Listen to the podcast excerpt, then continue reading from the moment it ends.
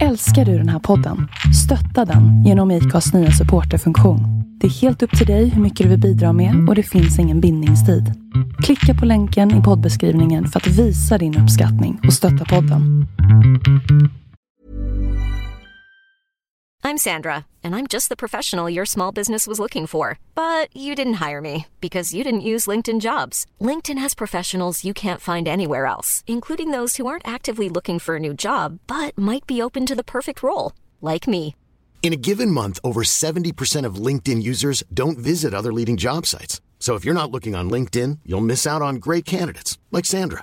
Start hiring professionals like a professional. Post your free job on linkedin.com/people today.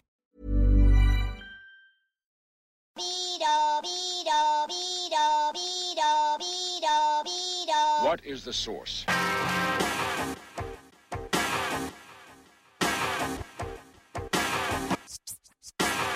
One, two, three, set it!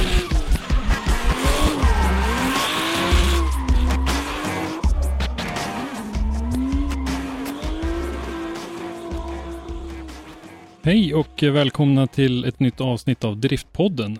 Idag så ska vi prata om ett eh, högaktuellt ämne, nämligen motorsportsäkerhet. Och vi har en gäst som enligt mig är en av eh, Sveriges absolut mest eh, väl pålästa inom det ämnet, nämligen Rickard Johansson. Välkommen till Driftpodden, Rickard. Tack så mycket. Ja, idag så ska vi prata om ett ämne som du verkligen brinner för på alla sätt. Och eh, vi ska gå in, eh, vi ska gå lite översiktligt när det gäller vissa grejer och vi ska gå in djupt när det gäller vissa grejer. Men jag tänkte innan vi går in på det så ska vi faktiskt eh, lite kort eh, prata lite grann om dig också. Eh, vem du är som person. Eh, vart eh, född och uppvuxen? Är du lokal här i Sundsvall eller? Ja, jag är ju född uppe i, mot Kåvrand och strax utanför Sundsvall. Jag har väl bott här i hela mitt liv, förutom en liten utflykt till, eh, till räddningsskolan under två år. Då. Mm. Just det. Och eh, idag så bor du här i Sundsvall också? Ja, jag bor faktiskt eh, på vägen upp till eh, Sundsvall Raceway kan man säga. Precis när man åker ur stan. Så jag ser alla ekipage när de är på väg upp till Mm. tävlingarna. Just det. Och eh, räddningsskolan säger du, du är ju brandman till yrket. Ja, brandman, styrkeledare. Just det. Och eh, familj? Ja, jag har sambo och en son då. Så det är familjen. Eh, och eh, ålder? Alltid svårt att säga. Någonstans mellan 20 och 50? Ja, du prickar rätt så bra faktiskt, Ja. ska jag säga. Jag är, jag är 39, det vill säga att jag är ju alltså i särklass äldst i driftingutskottet. Och det här får jag ju höra. Mm. Max är ju ett år yngre då, då så Ja, han är ju okej. the young one. Ja. Men vi två är ju de särklass äldsta och vi är väl rätt så eh, gamla i den här sporten också. Mm. Eh, man kikar på din eh, privata Facebook så säger du där att du är en brandman från Sundsvall som spenderar nästan all min fritid med motorsportsäkerhet. Har du uttryckt det? Ja, det stämmer nog rätt så bra faktiskt. Mm. Om vi börjar med lite stora svepande drag, i vilka former tar sig det här engagemanget? Ja, alltså dels så jobbar jag ju med det genom att vi har ett räddningsteam och förse arrangemang med räddning. Sen jobbar jag även till viss del med teoretiska, praktiska bitar åt eh, promotorer, banägare, vissa försäkringsgivare och så vidare. Sen är ju även mycket av arbetet man gör blir ideellt. Som det arbetet jag gör för utskottet. Sen hjälper jag till lite här och, här och där. Liksom. Jag, jag har väl inga distinkta gränser utan allt jag kan göra för att hjälpa säkerheten så brukar Mm. jag nappa på det. Då tycker jag att du missar en stor och viktig del där i, i de här konferenserna och de här eh, utvecklingen av, av motorsportsäkerheten som jag har sett att du är med på.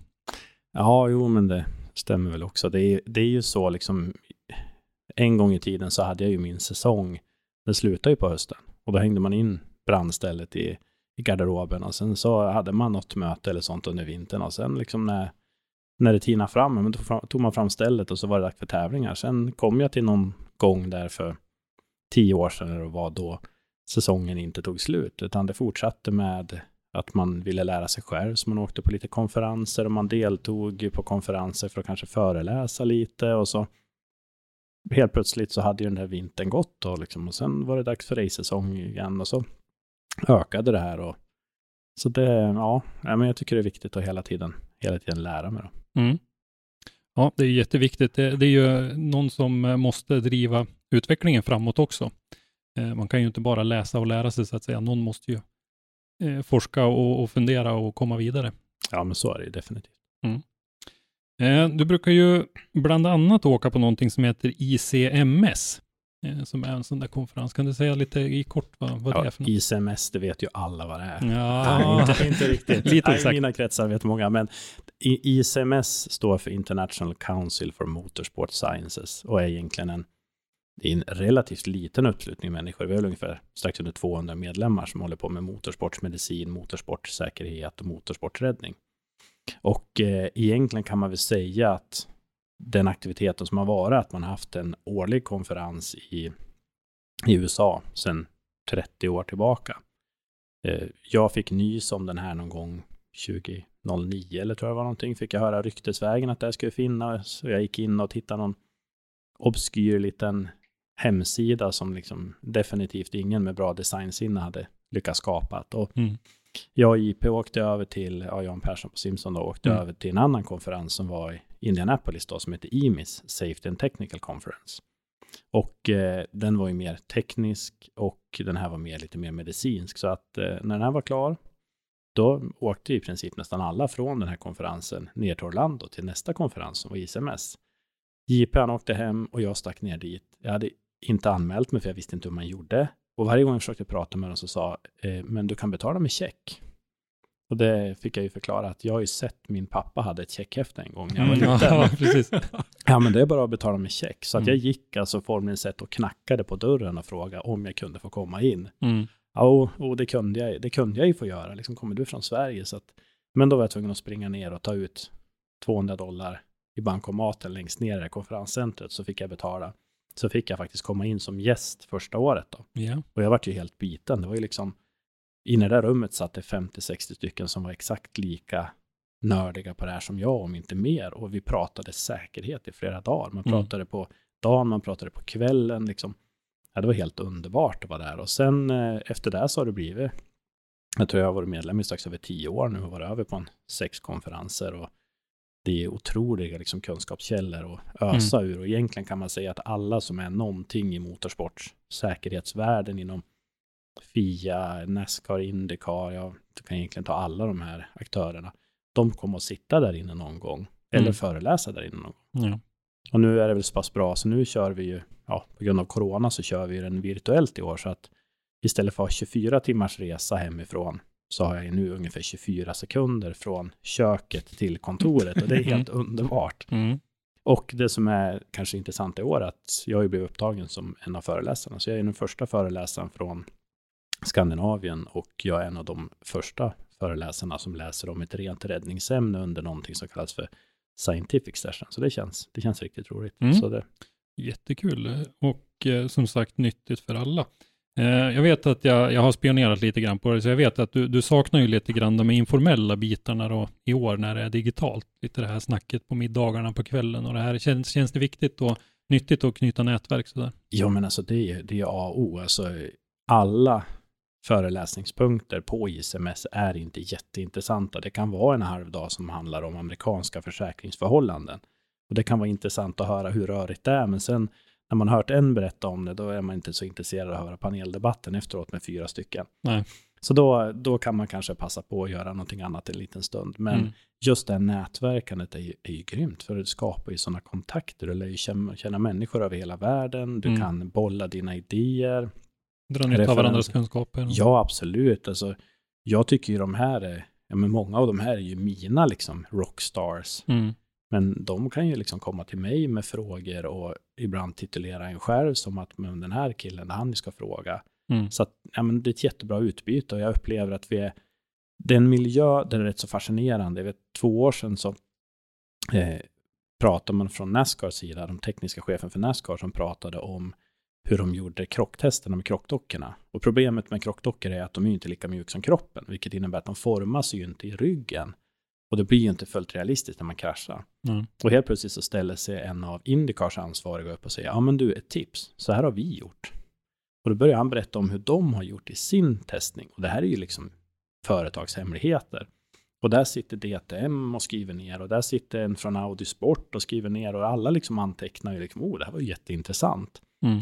Så vi delar ju saker väldigt öppet in i det där forumet. Där finns det inte de där gränserna mellan konkurrerande företag och så vidare, utan Mm. alla bryr sig om säkerheten. Så det tycker jag är kanonfränt. Mm. Men på sikt blir det väl liksom lite så att eftersom alla då, säga, ingen sitter och håller på sina hemligheter utan alla kommer ju att tjäna på det här i det stora hela för att plocka fram säkerhet ur ett, om Audi Sport skulle bara fokusera på fixa säkerheten till sina prylar skulle det bli en enorm utvecklingskostnad. Men som man kan dela upp det så att alla jobbar mot samma håll i stort sett så blir det ju, vad ska man säga, du delar väl bitar i kakan så att säga på, på den finansiella biten. Ja, men så, så är det definitivt. Sen märker man att det finns jättestora kulturella skillnader mellan hur vi gör saker. USA Mm. kontra Europa. Det är radikal skillnad i approachen. Och det, det kan vara intressant att se ibland. Liksom. Och, så man drar ju en stor nytta av varandra. Man kan utbyta erfarenhet eller om man har data eller så vidare. Jag gjorde ju ett, eh, ett klipptest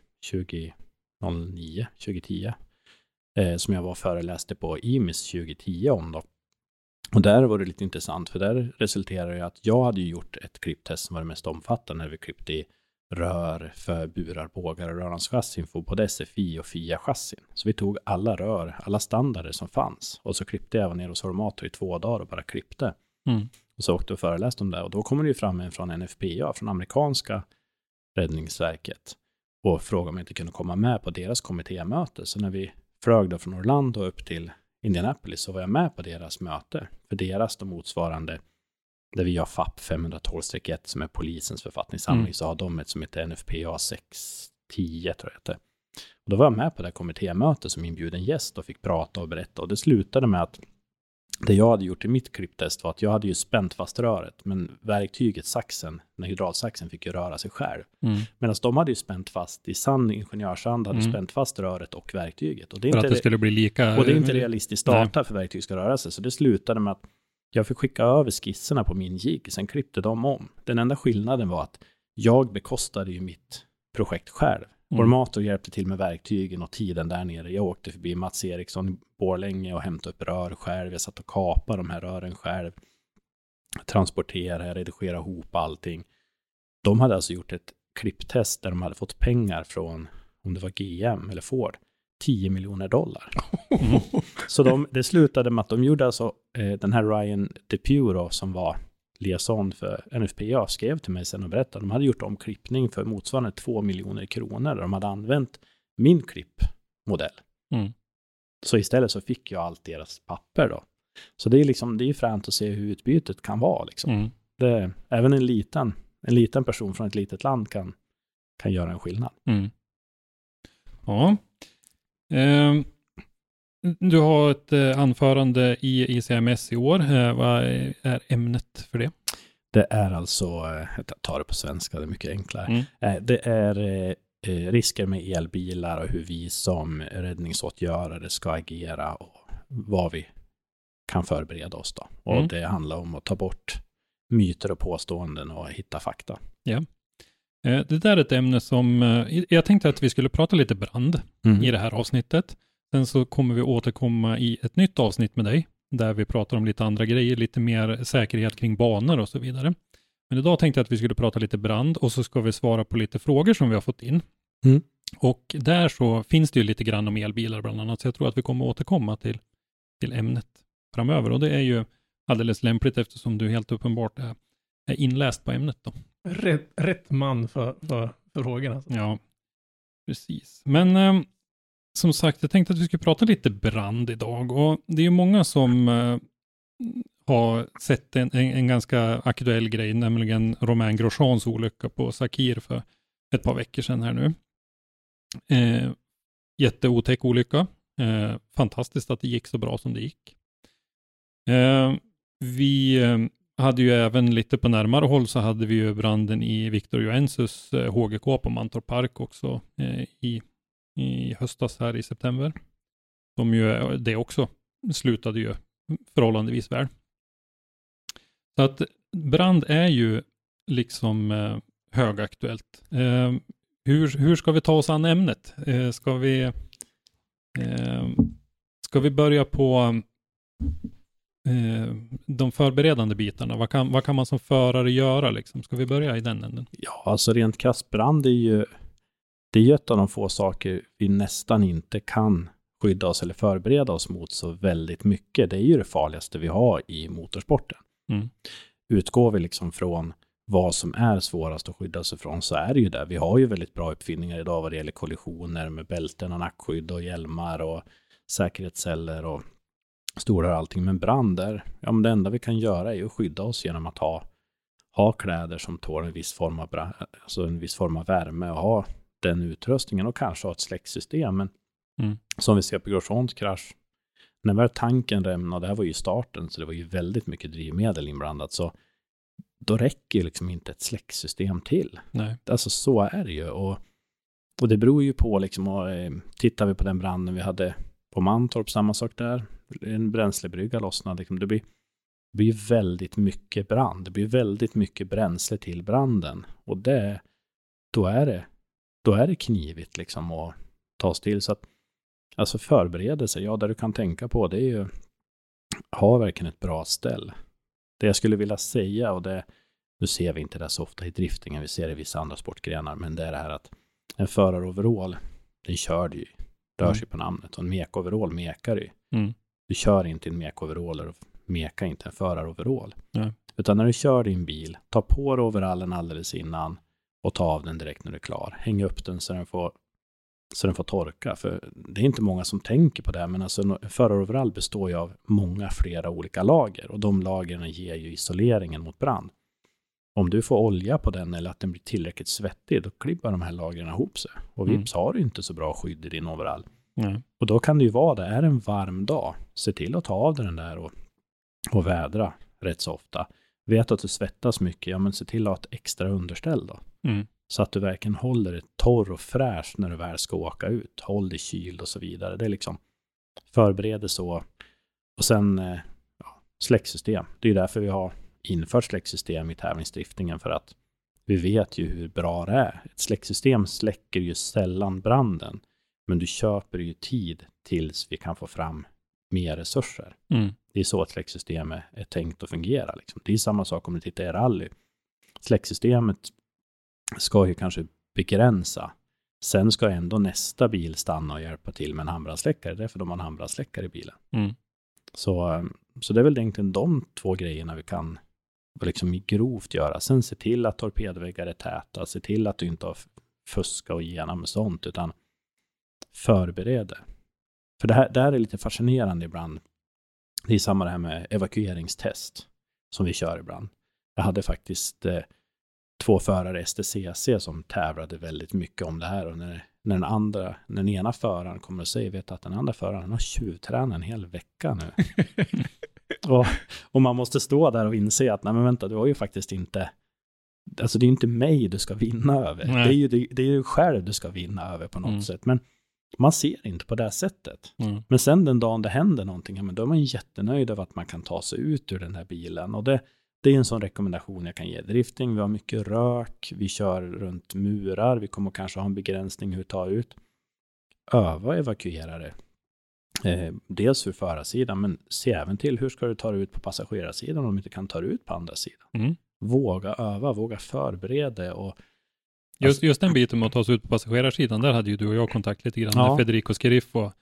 Eh, Ja. när, den branden i, i Formula Drift, för han blev ju stående med förardörren mot Mm. muren. Han.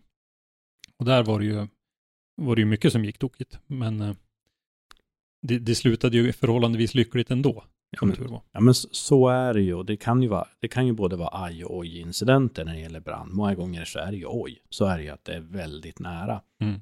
Men jag har ju sett, eh, de som är väldigt duktiga på det här är ju till exempel Nascar, de har ju, jag har suttit och kollat på filmer när de har gjort sina tester när, när förarna slänger sig ur på passagerarsidan snabbare än vad våra elitförare tar sig ur på förarsidan. Mm. För att de, de tvingade öva så mycket, de ska ta sig ut helt enkelt. Jag kan säga den snabbaste tiden jag vet vi har haft i STCC och evakuera ut en bil, det är 2,8 sekunder. Åh jäklar. Det är Ja. ganska rappt. Ja, det var Robert Ahlgren. Mm. Det var, ja, det var, det var viktigt. Men jag får, jag får knappt, hittar knappt igen mina bilnycklar när jag står framför Nej. bilen på den tiden. Då har han klivit ut liksom. Och det är inte så att han har suttit bara i, i jeans och en hoodie och inget bälte på sig. Utan det är en, Nej, det, alltså, det står ju någonstans att du ska sitta i det minst gynnsamma läget. Alltså du ska vara fullt fastspänd då så att säga. Och, Mm. eh, jag vet Ted Björk hade gjort det på 3,6 och Dahlgren är ju lite tävlingsmänniska. så Han skulle ju göra det snabbare så att det var väldigt viktigt att han fick göra det då. Och han Mm. dök ut ur bilen. Men han vann, så han var Mm. nöjd. Men har man inga, jag, jag lyssnade på, eftersom jag är lite Indycar-nörd, så, så lyssnade jag på massa poddar angående Indycar och då pratade en, en journalist som heter Marshall Pruitt om att de, i Indycar, där gör de under pågående tävlingshelg så gör, kan de göra, plocka ut ett par, tre förare, ja, du och du och du, ni ska göra sådana här bailout-test nu. Alla, alltså det, ni har inget val, det är ju de som sliter sönder sina komsystem med hjälmar Ja. och grejer, för att ni måste göra det, men vi har ingenting sånt i Sverige inom till exempel driftingen, att man gör någon Ja. sån liten depåstopp.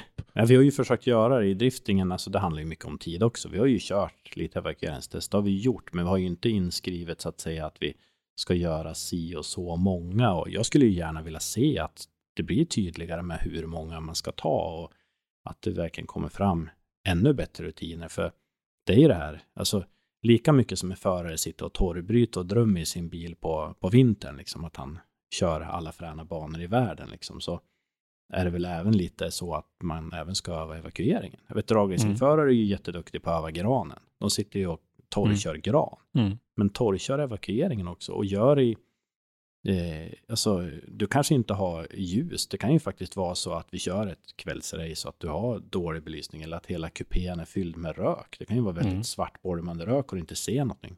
Se till att hitta ut då också. Mm. Fundera lite över liksom, hur gör jag för att ta mig snabbast ut ur min bil? Hur kan jag göra den så optimerad som möjligt?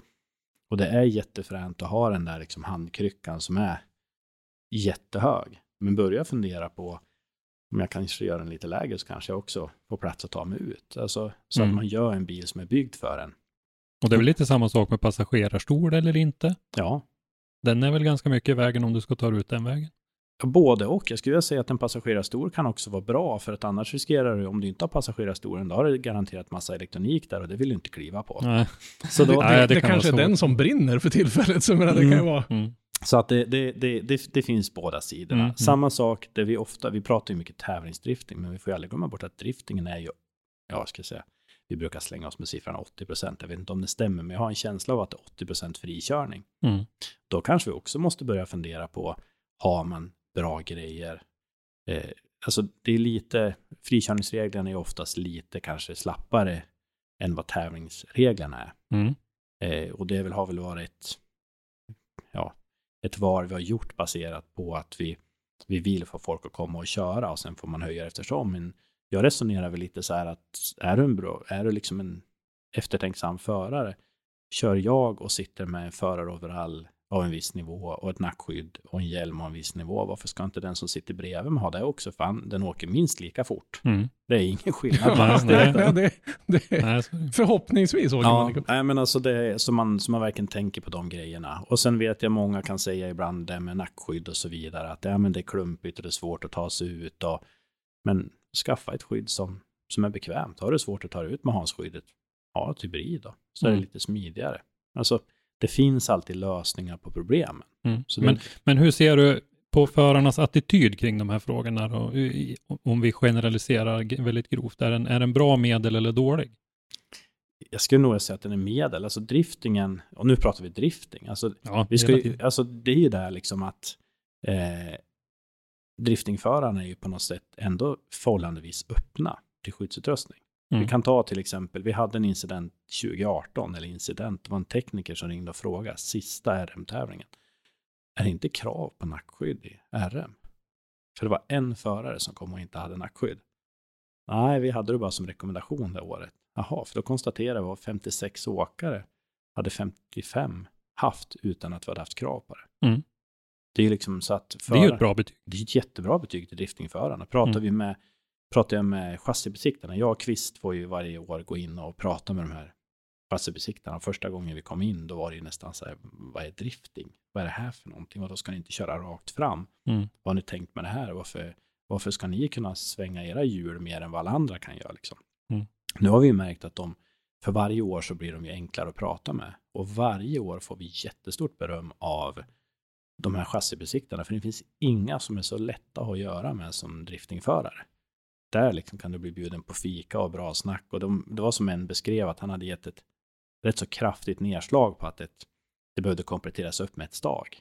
Och innan han hade hunnit lämnat en verkstad så hade en kille redan börjat krypa in och börjat måtta och tagit fram svetsen och skulle sätta dit det staget. Mm.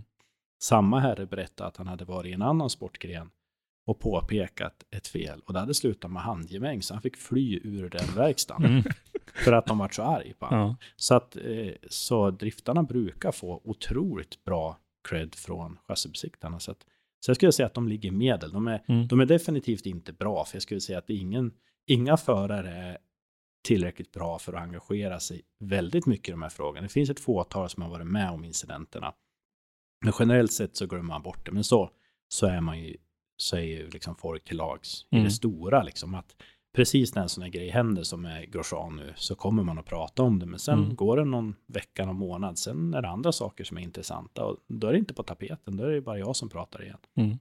Känner du att det är det, den här obetänksamheten som är huvudsyftet eller är det ekonomiska grejer som ligger bakom att man inte tar tillräckligt stort allvar på det här? Jag tror att det är, eh, det är nog en mix. Dels har man väldigt mycket att tänka på. Vi ska veta att de flesta teamen i Sverige drivs ju på en hobbynivå. De drivs ju på, vi har vissa som kanske drivs på en semipronivå, men vi har ju inga rena professionella driftteam som liksom Nej. lever på det. Eh, men, titta som Papadakis och de här som ändå Mm. kan leva på sin körning. Vilket innebär att du måste ju prioritera någonstans i, i att göra listan. Mm. Men sen handlar det väl också om att det finns nog en kultur bland förare i alla sportgrenar att man inte riktigt vill prata om säkerhet för att pratar Mm. man om det då kanske det händer. Mm. Och pratar man inte om det, ja, men då händer det nog inte. Ja. Sen märker man att jag har ju vissa förare som är väldigt engagerade och intresserade, men det har tagit några år innan de liksom har mjuknat upp och börjat fått in det här i sitt naturliga tänk. Mm. För det är där det handlar om, att du Mm. måste tänka. Jag, I mitt jobb så är jag ibland ute och utbilda i så här brand, grundläggande brandskydd och sånt i räddningstjänsten. Jag vet, vi var på en förskola så pratade med dem och så sa vi det här att men ni måste ju tänka, står någonting i vägen för, brand, för en branddörr så flytta den när ni går förbi. Och då sa de, ja men hur ska vi kunna tänka på det? Hur ska vi kunna få in det här i huvudet? Och då ställde jag frågan, ja men om du går från din avdelning till lunchrummet och går förbi den andra avdelningen och det ligger en kniv mitt på bordet. Kommer du då att bara låta den ligga kvar? Nej men herregud, den tar jag undan, det är ju farligt. Mm. Ja, men det är exakt samma tänk. Mm. Och det är där tänket vi måste få in här också. att När du tittar på att konstruera din bil så måste du inse att ja, men det där vart ju kanske inte så bra. Om jag flyttar det där staget eller om jag flyttar den där kabeln så jag inte fastnar med foten i den. Så att man får in det där som ett tänk. Mm. Men jag skulle Och säga... då kostar det ju i princip ingenting heller. Nej men så är det med mycket. Det, 2009 så drog jag och, och JP igång och åkte runt och föreläste och det som sen blev där Simpson Safety Academy. Och vi märkte ju det att ja, men alla hade bälten. Eh, alla hade utrustning. Men många hade ju inte ens installerat dem rätt. Nej. Vi kan ju gå runt på tävlingar. Jag var på vi, alltså, vi har ju bilar som har rullat i andra sportgrenar som i rallycrossen som rullar både SM, VM och EM-tävlingar och kommer tillbaka med olåsta bälten. Så, att, och det, Mm. så det handlar inte bara om förarna, det är ju även en okunskap ibland från den tekniska sidan också. Så att det, det handlar ju liksom om att, om att trycka in kunskapen och ge dem kunskap. Jag tror någonstans att om man ger förare kunskap så kommer man ha mer kunniga människor att försöka prata med. Mm. Sen Ja. finns det väl ett annat litet tänk att man kanske inte alltid gör det och då tycker man att då kommer man med pekpinnarna och så slår man och då får man inte igenom det resultatet man vill liksom. Ja.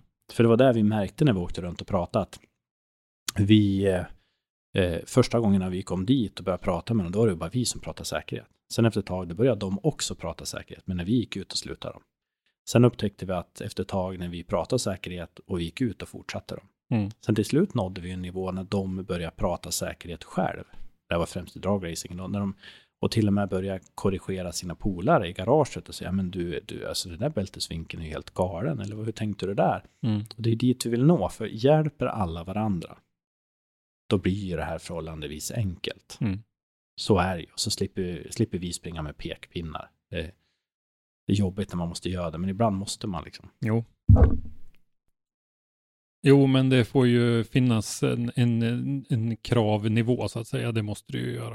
Eh, och så, sen så får man hoppas och tro på att eh, folk inser att eh, man eh, kan bara se det som en lägsta nivå, att man bör ha mer fokus på det än vad, än vad reglerna kräver så att säga. Men eh, jag har ju lite diskussioner emellanåt. Jag, jag vet ju om att jag är ju utomstående och det påverkar ju inte min ekonomi. Jag har synpunkter om, om säkerhetsutrustning och sånt där, för jag köper ju ingen själv och så. Men, men man har diskussioner ibland så märker man att man har inte läst igenom de regler som ens finns idag. Jag är ju, eh, det har jag sagt många gånger, att jag har ju bakgrund inom ishockey och jag var domare i väldigt många år till exempel. Undrar jag en sak, då går jag till spf.se och kollar vad säger reglementet om det här. Det vill jag ju läsa själv. Jag frågar ju ingen annan och får någon andra tredjehandsuppgift på det, utan jag vill ju läsa det själv och ta del av det själv. Och där tycker jag att det kan finnas en brist ibland, att man, man klagar på saker och säger att eh, och si och så, och så, så har man inte ens läst de regler som finns när det gäller det där. Och det, det, det kan jag tycka är ändå ett krav man kan ställa på de som är i sporten, att man ska själv läsa igenom de regler som finns. Ja, men så är det och ibland kan jag uppleva att vi lägger väldigt mycket på en tekniker eller vi lägger väldigt mycket på en chassibesiktare som ska komma. Han ska svara på alla frågor för då kommer liksom oraklet. Mm. Men de är ju bara människor de också. Och alltså jag är ju likadan som människa. Jag vill ju liksom läsa på. Sen tycker jag om regler och lagtexter och sånt ja, där. Men så det är samma här. Och, det, och det, det, underlättar väl. Och jag kan förstå, är du inte intresserad av det och det blir lite fikonspråk i det här och det ställs upp på ett visst sätt och sen får man ibland höra förklaringen. Ja, men det går inte att förstå. Nej, men ta hjälp av någon som kan hjälpa dig att tolka det då. Så att vi tolkar det på rätt sätt. För det är ju så att eh, tittar vi lagboken så är den rätt så den är så luddig skriven för att det ska ju finnas en domstol som tolkar vad vi ska göra. Men en Mm. regelbok, den ska ju vara så snävt skriven som möjligt. Mm. Det kanske inte alla tänker på det är att ibland kan det vara en fröjd att läsa en regelbok för att allting som står i en regelbok har kommit dit för att det var någon som gjorde något dumt eller prövade göra något dumt. Mm. Det är lite mer den anglosaxiska rättstraditionen. Att du har eh, prejudikat och att det bygger på att någon har gjort det. Ja, Det har ju inte vi i vår rättstradition överhuvudtaget när det gäller juridik. nej men så, så är det lite och det är det som är väldigt tydligt liksom det här att ibland kan det vara fascinerande vad man kan läsa liksom att men man vet varför det står vissa saker i regelboken. Har man varit med, nu har jag varit med i, i 18-19 år i den här sporten, eh, eller i, ja, i bilsporten då, och jag vet ju av vissa av regelskrivningar varför de är där och då Mm. kan man ju inte göra annat än att garva varför de har kommit dit liksom. Men meningen är ju att det ska vara så snäv som möjligt. Jag vet i, i driftingens linda så vet jag att regelboken skrevs på det sättet att det som står, det som står i regelboken är tillåtet och det som står att det inte är tillåtet är inte tillåtet, men det som inte står där är också tillåtet. Det vart Mm. lite så här rörigt. När Mm. alla andra regler går på att står inte i regelboken, då är det inte tillåtet. Sen är det ju lite stökigt, för vi, vi faller ju tekniskt under samma säger, chassiregler som rally och racing. Och då kan det vara lite stökigt att förstå det, för att jag har ju slagit upp den här boken och där stod det ju en sak. Fast vi har ju även klassreglerna, eller sportgrensreglerna och klassregler som styr vad som gäller specifikt för min sportgren och vad som gäller för min klass. Mm.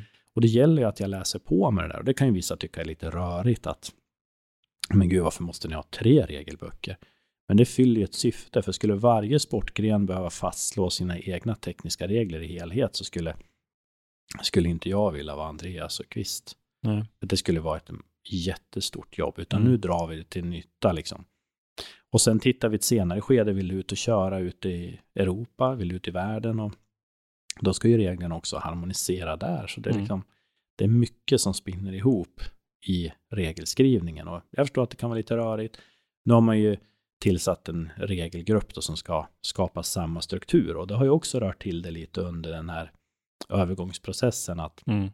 alla reglementen ska se likadan ut. Och där har det rört till det. Jag vet att det har råkats publiceras regler som kanske inte har varit klara och det är inte det att har varit våran vilja utan det har varit det att det har blivit misstolkningar eller tekniska problem när det har lagts upp eller formateringsproblem i ordbehandlingsprogrammet och det är ju människor som sitter och gör allt det här. Mm. Mm. Märker man att någonting är dumt, hör utav er. Märker man att någonting skulle kunna bli bättre, skriv ett förslag. Mm. Går man inte, och en sak kan jag ju liksom reda ut direkt. vi kan inte se allt på Facebook. Ni gör inte det. Ni sitter inte hela nätterna och bara går igenom alla trådar som Nej, skapas. nej, och dessutom vi är ju inte ens med i alla grupper. Så är det, det kan jag faktiskt säga. Jag är inte med i alla grupper i hela världen. Så att vi, vi ser ju inte saker.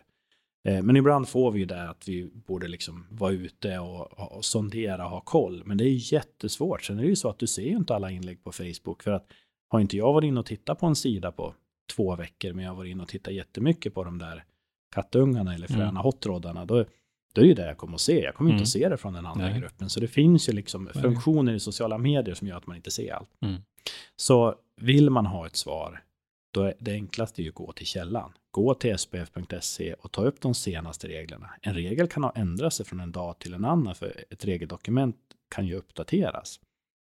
De flesta reglerna som är prestandamässigt, de ändras ju väldigt sällan. Nu har vi låst reglementet i tre år dessutom. Mm. Men säkerhetsregler, det kan vi ju faktiskt ändra när vi vill, om Mm. vi ser en anledning till det. Mm. Ser vi att vi har ett problem att vi måste komplettera upp med någon ytterligare stabilisering i, i någon sträva eller att vi måste göra någonting. Men det är ett beslut vi kan ta relativt fort. Så att gå in och kolla reglerna lite då och då och för guds skull läs reglerna innan man börjar bygga bil. Mm. Det kan bli ruskigt dyrt om man inte går den vägen. Ja, men lite, lite så är det faktiskt. Det tillhör liksom att sitter du där och bläddrar i dina, nu bläddrar man ju inte mycket kataloger längre, det gjorde man väl på våran, Mm. tänkte jag säga. Men eh, när ni sitter där och bläddrar i era webbshoppar då, säger vi, eh, ta den tiden och även läs regelboken och fastställ vad ska jag köra, vad måste jag ha?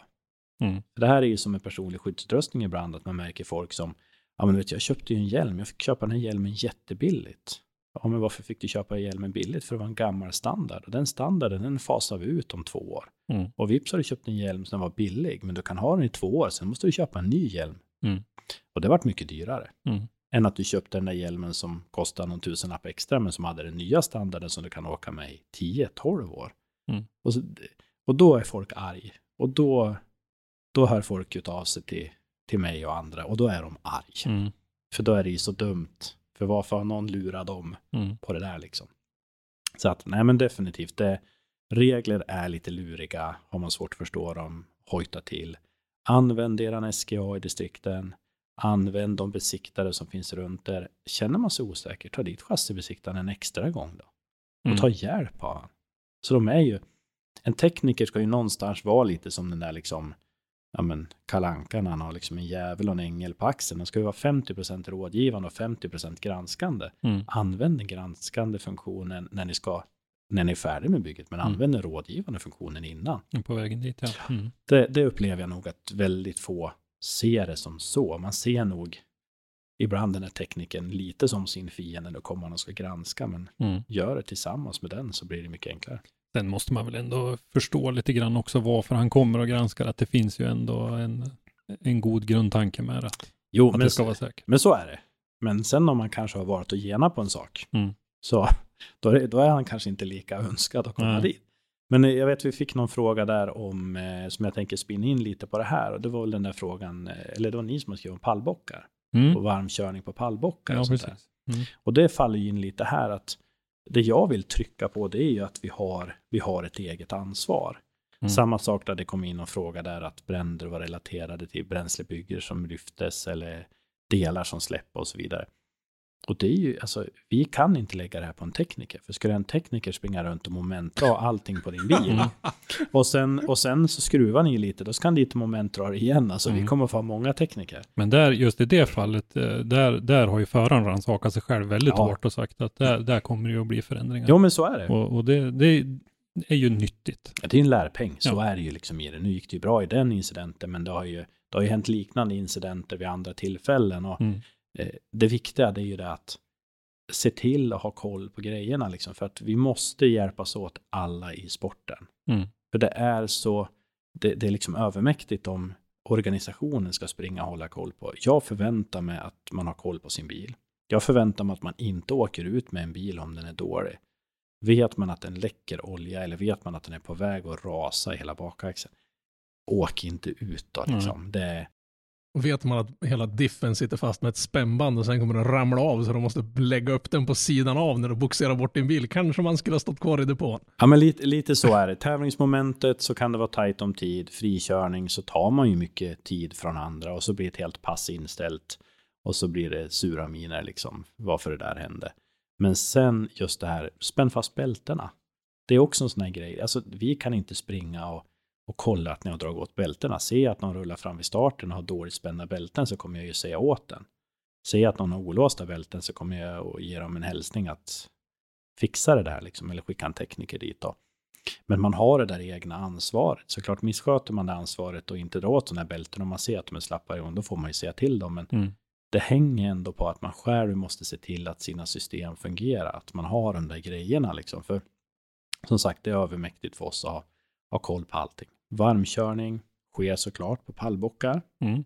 Frågan gällde ju då att eh, man kunde se att eh, en del stod på domkraft Mm. och eh, i vissa andra grenar då, så, eller serier tror jag kanske det var i, i frågan, där, där var det böter om man ja, kröp, kröp under Ja, bilen. men så är det. Mm. STCC, då är det om du kommer in i bandepån, alltså när du kör kvar eller test eller så och inte slänger in platten du använder dina airjacks och så vidare, då är det bestraffning. Mm. Det rapporteras upp till tävlingsledningen direkt. Mm. Och det, är- det är stenhårt på det. Och då är det att du inte sätter in dina plattor under airjacksen. Så att eh, det är den nivån liksom. Så att eh, varmkör inte under en domkraft. Gör inte, jag har sett det, jag har förekommit, ja dels under tävling, jag har sett det förekommit på uppvisningskörningar i andra sportgrenar. Vi sänder ju inte bra signaler Nej. när vi är ute och gör så. Om den här bilen. Jag har lite svårt att fatta hur man kan, som, som vi får gå tillbaka till det med bältena, du står där på starten, du ska köra en tävling, du vet, det går rätt fort. Hur kan man vara så ointresserad av sin egen, sitt eget välbefinnande så man inte ser till att man sitter fast så bra det bara går? För jag menar, det, jag, jag har så sjukt svårt att få den kopplingen. Ja, men jag, jag, tror det, jag tror en okunskap att förstå hur hårt man ska spänna fast. Jag har ju haft äran att vara med i ett Top Fuel team i, i omgångar. De kör, ju, de kör ju lite snabbare då med Håkan det Fällström. blir typ en deci kortare när de spänner åt bältena. Ja, och där, alltså när vi spände fast bältena så tog ju vi en skruvmejsel och lindade runt axelbältena och hängde på dem. Och vi som spände fast bältena, vi vägde ju liksom närmare 100 kilo och vi tryckte i och då drog vi efter. Alltså efter, eh, oftast efter när man hade, man hade värmt däck och rullat tillbaka då, så Mm. fick man ändå spänna efter. Och så ser man hur folk i racing, drifting och så vidare sätter sig i en bil och liksom rycker i bältena ungefär som det vore några små gummiband lite lätt så här. Mm. Alltså du måste spänna hårt. Det är nästan så att du inte kan spänna ett bälte själv om du sitter. För de flesta har inte den styrkan. Är du väldigt stark kan du göra det, men använd en mekaniker. Använd någon bredvid som, som kan lägga tyngden på det där. Mm. För det man också måste inse det är att hårdare spända bälten släpper iväg snabbare när det ska evakuera. Mm. Jämfört med löst släppta Ja, de, bälten. de sprätter ju bokstavligt talat iväg Ja. ifrån det. Så vill du ha snabb tid på evakueringstestet, spänn bältena så in i Norden är ju tipset kan jag ju säga. Mm. Nej, men så, nej men de här grejerna, som vi sa där med pallbockar, liksom, se till att ha den för att det räcker med att en bil släpper ner. Vi hade det här på, på Veideck på dragracingen på Mantorp för bra många år sedan. Där var det en som råkade styra lite fel med en liten fyrhjuling och åkte in i en bil som stod på pallbockar och, och, och stod och puttrade på. Mm. Och den kraschade ju rakt in i en buss. Mm. Den stod ju alltså stabilt på pallbockar, men det behövdes inte så mycket för att den skulle rasa från pallbockarna. Hur lite behövs det då från domkraften? Mm. Eller att domkraften havererar, eller Mm. att någon kommer åt handtaget, eller råkar vrida, eller vad som helst. Vi vill inte ha den incidenten, för det, det är det här man in, många gånger inte tänker på. Att när man gör den här typen av grejer, så den som kommer att stå och behöva förklara sig, det är ju tävlingsledaren. Det är ju arrangören. Det är ju banan. Mm. Det är ju alla andra som kommer att behöva stå och kanske förklara sig för den incidenten som har uppstått. Och det är inte alltid så lätt att förklara varför hände det här och varför hade ni inte koll på det. Och det är övermäktigt om vi har 50-60 team och så ska man ha koll på alla samtidigt. Så där är ju också ansvaret. Se till att ha koll på det själv. Märker ni att era grannar bredvid er är dåliga på det, men ge en hint om det. Ta dem in, vill du inte ta det med dem, gå och ta det med oss då. Så att vi kan ta det med, så att vi får ordning på de där grejerna. För det handlar ju också om anseendet för sportgrenen. Mm. Ja, absolut. För att eh, vi, där har vi jättemycket att vinna på i hur professionellt och hur bra det ser ut. Det är samma sak där med släckare. Se till att släckaren verkligen följer med ut med servicebilen ut på banan när ni ska köra. Låt den inte stå kvar inne i depån, för det gör ingen nytta. Mm. Där är också lite svårt att förstå, för att många kanske är vana att hålla på med heta arbeten. Skulle aldrig någonsin göra någonting utan att ha med sig en släckare. Men sen kommer man på motorbanan och då, Mm. då är det precis som att man ibland lite stänger av det, samma tänk. Ha med det professionella tänket. Var lika professionella som ni är på jobbet på torsdagen som ni är på driftingbanan på fredag. Mm. Mm. Vi ska lämna det här med brand och det där om ett litet ögonblick och gå in lite grann på de här frågorna vi har fått in. Vi ställde ju, efterlyste ju lite frågor till dig som vi, jag tänkte Mm. vi skulle gå igenom. Men bara, vi kommer att prata lite standarder och grejer i, i ett annat avsnitt med dig, men om du skulle jämföra, du hade tagit en SM-förare i drifting, satt Mm. honom i den utrustningen som en sån normalt har på sig, i en Grosjeans bil. Mm. Hade han klarat sig, hur hade han klarat sig i, i jämförelse tror du? Alltså det, här, det, här, det här som är lite fascinerande egentligen kan jag tycka att oavsett, om vi pratar eh, FIA nu då, oavsett om jag kör folkrace i Motala eller om jag kör Formel 1 i Abu Dhabi så har jag samma standard på min overall. Mm. Jag har samma tid på min overall. Man skulle ju kunna tänka sig att om jag är i det där teamet som ändå har ja, några hundra miljoner i budget, att min overall borde ju klara avsevärt mer. Men de pengarna, de har man lagt i att få tunnare overaller. Det är jättefascinerande, så jag har stått och tittat på FIA-overaller som är så tunn, så när du håller upp dem mot lampor ser du igenom dem. För att du ska vara så lätt och smidig Mm. som Men möjligt. med samma brandklassning fortfarande. Ja, de är samma brandklassning, Mm. ungefär någonstans runt 10-11 sekunder. Mm. Det som är fascinerande är ju bara det att när du sitter där i 300 km i timmen så kan jag tänka mig att det tar lite längre tid att få stopp, även om du nu kanske har kolfiberbromsar kontra folkrace, där du kanske gör 100 km timmen eller 80, Mm. som man säger då. Så man har inget högre skydd. Tar vi däremot och tittar om du kör en SFI overall, så ja, då har vi olika nivåer. Då är det ju så att om jag är den där sportsmanåkaren som är på en trackday, då kanske jag har min SFI 1 overall som klarar 3 sekunder till andra gradens brännskada. Kör jag topfuel, då har jag SFI 20. Då klarar jag nästan en minut i, i samma värme. Så där har vi liksom en skillnad. Där har man insett att vi kör ju olika snabbt. Mm. Så det, det, det är ju skillnaden däremellan. Så att, och det som är viktigt att trycka på på FIA är att skyddet overallen gäller om du har ett underställ. Mm. SFI gäller utan underställ. Man testar dem på två olika sätt. Så att egentligen kan man säga att inte ha understället när du åker med FIA overall, det är ju som att ha ett, alltså ett icke komplett skydd då. Så att, eh, så tänk på det. Ha stället torrt. Ingen olja, inte mecka i det. Och att man verkligen liksom, man funderar på vad vill man ha för nivå. Det är därför vi i reglementet för drifting har öppnat upp för SFI också. Det har Mm. att göra med att visst, vi har lite dragracingförare som kliver över kör, då kan de använda sina kläder. Sen handlar det om att vi vill inte lägga en maxnivå, vi vill låta individen själv Mm. köra. Och det här fick vi ju lite på pälsen för man menar att det är inte lite överdrivet att kunna åka i samma kläder som Topfuel i en driftingbil. Men om jag vill det, det Mm. gör ju inte mig snabbare, snarare tvärtom så blir det lite klumpigare. Mm. Så måste väl jag få kunna få göra det liksom. Det är ju, Och det ska inte vara så att du blir bestraffad för att du vill ta säkerheten ytterligare än ett snäpp. Och det är det som är problemet med Fiat, jag kan inte höja min nivå. Så tittar Nej. man Grosjeans krasch där, så, eh, alltså nu, nu brann det, man pratar om 27 sekunder, men Mm. man ska ju veta det, det brann ju inte inne i cockpiten, det brann ju inte där han satt. Nej. Vilket innebär att han exponerades ju för branden den tiden, så att säga, han var precis på väg ut ur bilen, som var en avsevärt kortare tid.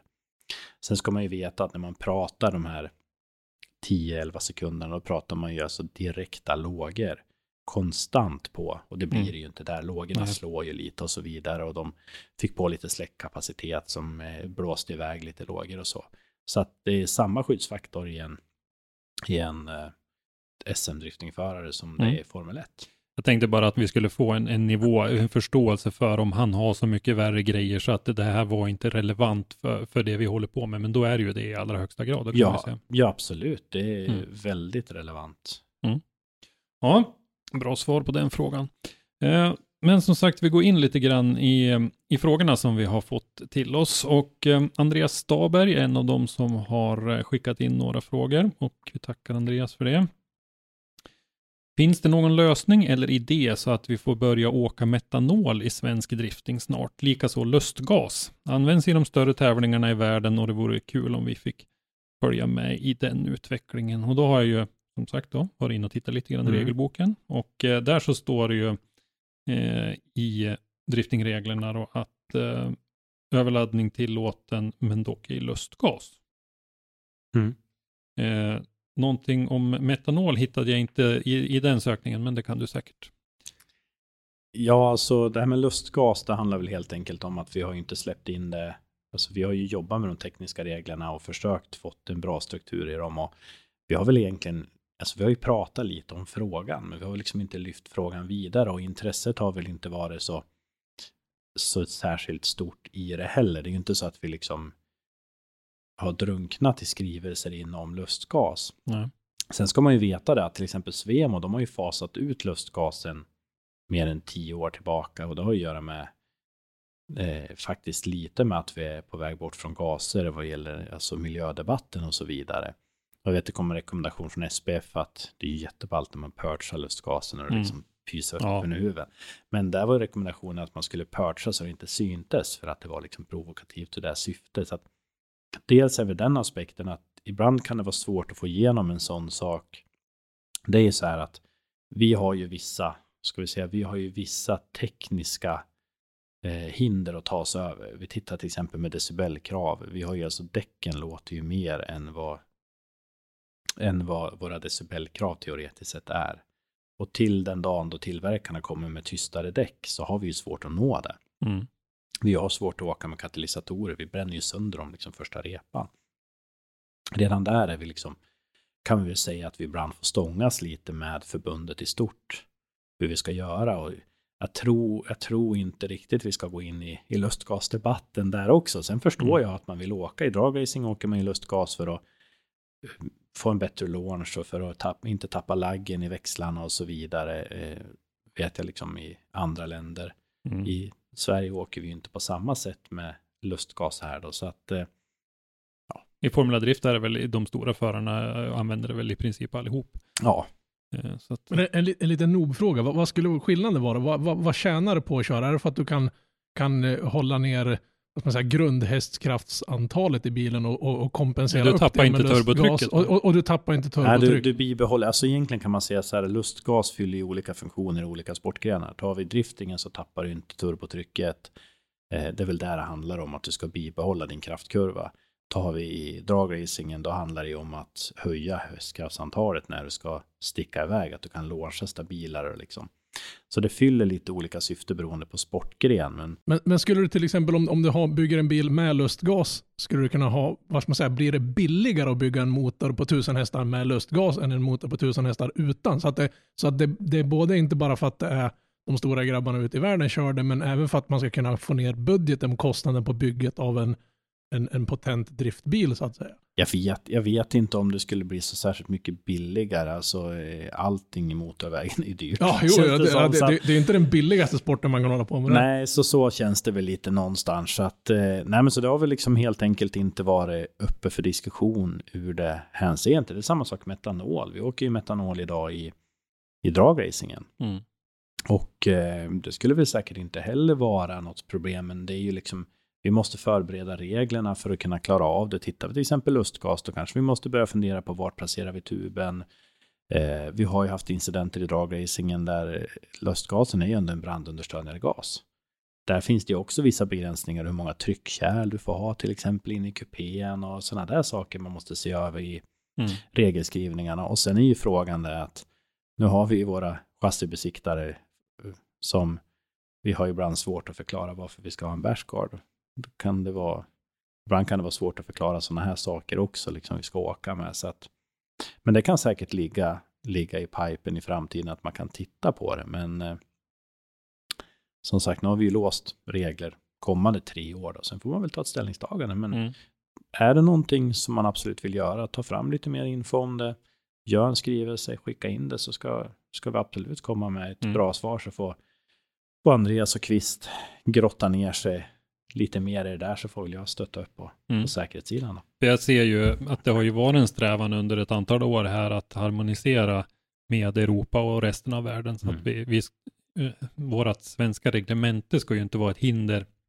Om vi nu får fram en förare och ett team som vill ut i världen och tävla så ska det ju inte sitta i, i reglementena så att säga. Ja men så är det men så, regler är ju alltid att skynda långsamt. Alltså Mm. det, det man måste förstå i ett utskottsarbete är ju att vi ska ju inte göra det så gynnsamt som möjligt för en. Vi ska göra det så bra som för de flesta liksom. Och ibland är ju det vissa avväganden i vad man prioriterar. Vi har ju bara en, en viss tid. Jag är jätteglad över att vi har hittat en promotor för, för SM till exempel. För det innebär ju att nu kanske det finns mer tid att faktiskt jobba med det som vi vill jobba med. Vi har fått Mm. lagt otroligt mycket tid på, på STC då, som vi kanske egentligen hade velat lagt på de här sakerna och de här frågorna och det. Och nu kanske det finns mer utrymme och tid att faktiskt nörda ner oss lite även på de här Och, områdena. och gör det ni egentligen ska göra. Istället för att driva Ja men, ner det som ja, men, ja men så är det. Ja. Det, är, det är lite som, vi har, som ni har pratat bland annat med Max om det. Att det var ju liksom meningen att ja, men vi tar en stund här tills vi hittar en promotor. Det, den där stunden tog ju ett tag. Ja, det hade varit några Mm. år. Ja, Mm. Eh, vi fortsätter och det är Andreas som frågar igen. Vad kan vi som team och förare göra bättre för att ni ska få så bra förutsättningar som möjligt vid en eventuell brand eller krasch utöver det reglemente som finns vill säga?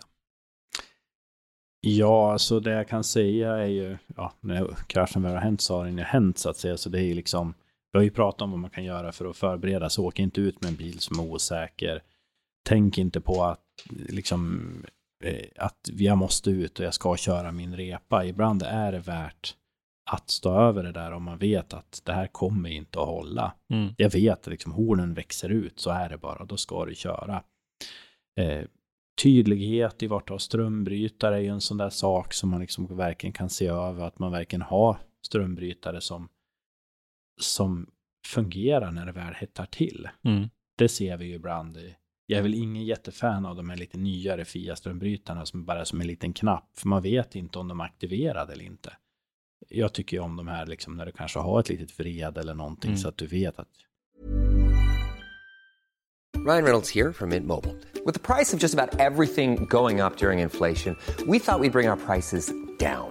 So to help us, we brought in a reverse auctioneer, which is apparently a thing. Mint Mobile unlimited premium wireless. Ready to get 30, 30, bit to get 30, bit to get 20, 20, 20, bit to get 20, 20, bit to get 15, 15, 15, 15 just 15 bucks a month. So, Give it a try at mintmobile.com slash switch. $45 up front for three months plus taxes and fees. Promo rate for new customers for limited time. Unlimited more than 40 gigabytes per month. Slows. Full terms at mintmobile.com. I'm Sandra, and I'm just the professional your small business was looking for. But you didn't hire me because you didn't use LinkedIn jobs. LinkedIn has professionals you can't find anywhere else, including those who aren't actively looking for a new job but might be open to the perfect role, like me. In a given month, over 70% of LinkedIn users don't visit other leading job sites. So if you're not looking on LinkedIn, you'll miss out on great candidates like Sandra. Start hiring professionals like a professional. Post your free job on linkedin.com/people today. Jag mekaniskt faktiskt har brutit det här nu. Mm. Någon form av indikation på att det är gjort. Sen handlar det väl helt enkelt om att ja, men, ha koll på grejerna och Helt och rent och Ja, men så är det. Och har du lite olja och skit som ligger där inne så är det ju mer saker som kommer eh, ge rök när du ska evakuera och då är det svårare att ta ut det. Sen, sen handlar det väl helt enkelt om det, här, var behjälplig så snabbt som möjligt. Vet ni saker om eran bil, ja men meddela det till oss så snabbt som möjligt så vi, så vi vet om det liksom. Mm. Eh, ytterligare en fråga från Andreas. Eh, hur ser du Rickard på burkraven vi har i Sverige idag? Våra burar är mer avancerade än till exempel DMEC och FDs reglementen. Borde inte deras krav på säkerhet i detta vara nog bra? Som i eh, mitt fall där ett kryss i taket gör saker grymt svårt med tanke på plats att sitta säkert och fortfarande ha bra avstånd till bursträvor med hjälm och så vidare. Det där, det, där är ju, det där är ju en jättesvår fråga för att eh, vi har ju harmoniserat kan man säga reglerna i förhållande till racingen och rally. Och det är ju just därför att absolut, vi skulle säkert kunna titta på och ha regler som harmoniserar dem mot andra länder. Nu vet vi att du kan ju ändå ta din bil och ut och köra. Så är det ju liksom. Men problemet som är att då sitter vi ju med ett helt eget reglemente och måste ta alla de här besluten själv. Nu kan vi säga att nu drar vi ju fördelen av den forskningen och utvecklingen som sker för racing och rally och där finns det ju mycket mer. Det finns mycket mer data, det finns mycket mer resurser, det finns mycket mer erfarenhet att ta, ta tillväga, liksom, att väga in i det här. Tittar vi i racingen, liksom, det läggs ju enorma pengar, det läggs ju enorm resurs liksom, på forskning, utveckling mm. och så vidare. Så dels är det där. Sen vet jag till exempel att ja, men det där är ett litet problem om du är en lång förare. Samtidigt har vi ju en finess i driftingen och som jag tycker är bra, men som också kanske är det som gör det lite stökigt och det är det att vi bygger så olika bilar. Mm. Och tyvärr är det ju så att alla individer är inte alltid byggt för alla bilar. Och eh, ibland tycker jag att man kan se till exempel att en väldigt lång förare kanske väljer en bil som inte är jätterymlig. Alltså man kanske måste styra lite vilken modell man har utifrån hur man är byggd. Jag till exempel har jättelånga ben med kort överkropp. Ja, men då måste ju jag förhålla mig till det. Vet jag att jag har korta ben med lång överkropp och kommer att sitta högt. En sån här sak vi, vi ska göra lite tester på nu och ta ut folk ur bilar.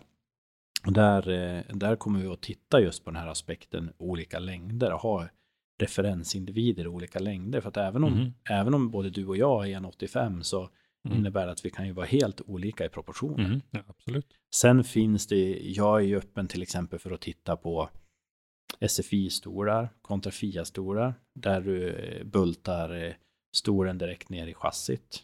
Vilket innebär att du kanske tjänar de där, den där dessen som du behöver i, i längd uppåt då till exempel. Så det skulle kanske kunna vara en sån väg man kan gå om man är lite längre. Mm. Vi är ju, SPF är ju medlem i SFI, men det kan ibland vara lite kämpigt att kämpa in de här. Jag håller på, jag har hållit på några år nu och försökt stryka lite folk medhårs och visa fördelarna och sånt, att det finns lösningar. För jag tror att vi måste hitta en lösning där du kanske kan välja lite olika saker beroende på hur det är byggd eller vad mm. du ska för lösning och så vidare. Och där skulle ju SFIs 39.2 stolar kunna vara en eventuell sån lösning för att få. För jag vet att det är många förare även i de andra sportgrenarna som sitter relativt nära taksträvarna. Mm. Och så där ja, nu är det någon som ringer.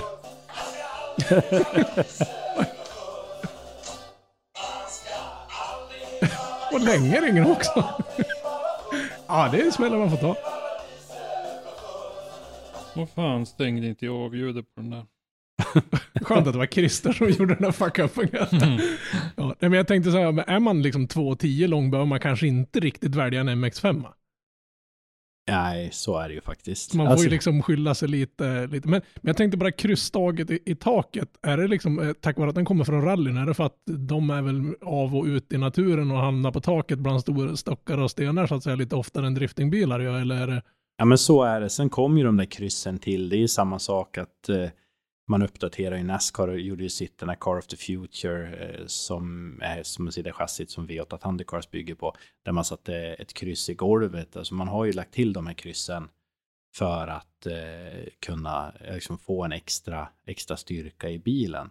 Och jag tänkte, det måste ju styva upp chassit lite grann också om du har ett kryss i taket så att säga som hjälper till att ja, ja. förhindra vridningar. Så ja, måste men, inte, ja, inte bara liksom en säkerhetsaspekt utan det måste ge en positiv aspekt i beteendet på bilen ja, också. Så, så är det. Sen när du blir en projektil i rallyskogen så är det ju bra att det inte kommer in ett träd ja, taket. Liksom. Så det, mm. det finns väl även den aspekten i det. Så att absolut, vi skulle säkert kunna kolla på ett eget tekniskt eh, reglemente för driftingen, men det skulle vara ett väldigt stort arbete att göra och det är väl det som är eh, lite av problemet och då ska vi dessutom förklara för våra chassibesiktare en helt nytt koncept. Mm.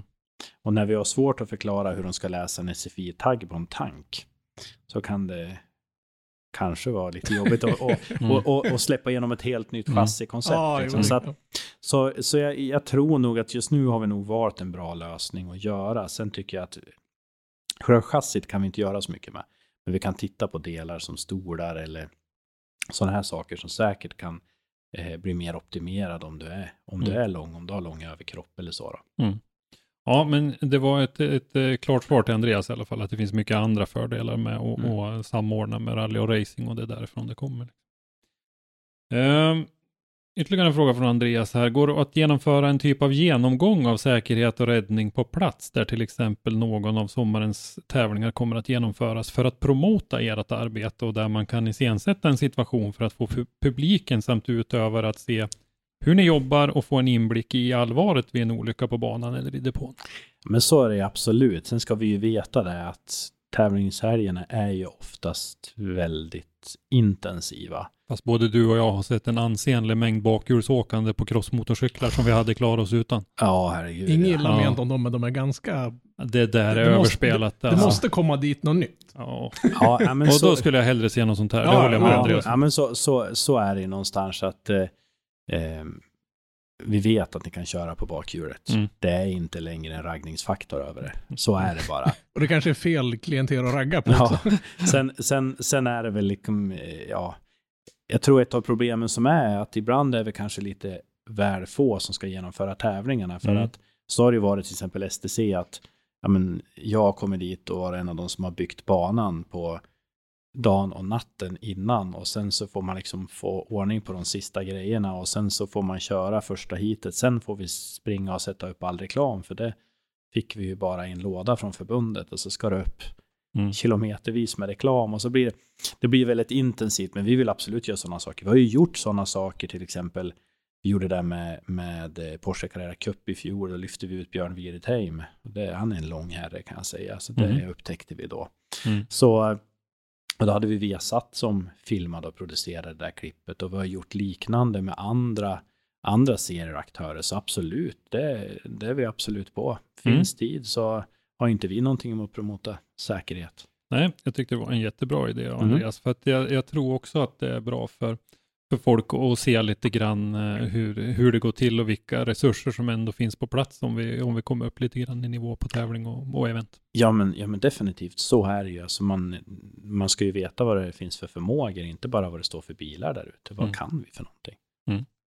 Ja, eh, Mattias Jönsson. Eh, verkar som alla bränder hittills i svensk drifting kan härledas till saker som lossnat. Utveckla reglementa angående detta. Kan besiktare på event utbildas och bli bättre på att upptäcka dåliga lösningar och liknande. Vems bord hamnar detta på? Liksom? Förutom att föraren alltid är ansvarig för sin bil. Då. Men det där var vi inne lite grann Ja, det, på. det är ju liksom, absolut ska ju teknikerna kunna kolla och se om saker inte alltid är så bra, men det är svårt att ha en blick över exakt allting. Och det hinner hända mycket under en tävling också. Ja, så är det liksom. Varje fem minuter är ju ett bevis på att, Mm. att det någonstans måste det genas för Mm. att det ska hinnas. Mm. Det så, går, det går ju liksom inte bara plom- besikta bilen och sen plombera huven. Du får inte röra den Nej, men alltså, ja, men vi kan ju titta. Vi har ju vissa sportgrenar där vi är inne på nivåer där vi nästan plombar vissa delar, växellådor, motorer och, och så vidare. Liksom. Men det kräver ju en helt annan budget och den budgeten har vi ju inte i driftingen. Så någonstans så har vi ju den där formen av avvägningen. Vad, vad ska vi lägga våran tyngd på? Och Mm. just nu har vi väl lagt väldigt mycket tyngden på att få få serien och få tävlingarna att flyta på och eh, börja skapa en stomme med reglemente i tävling.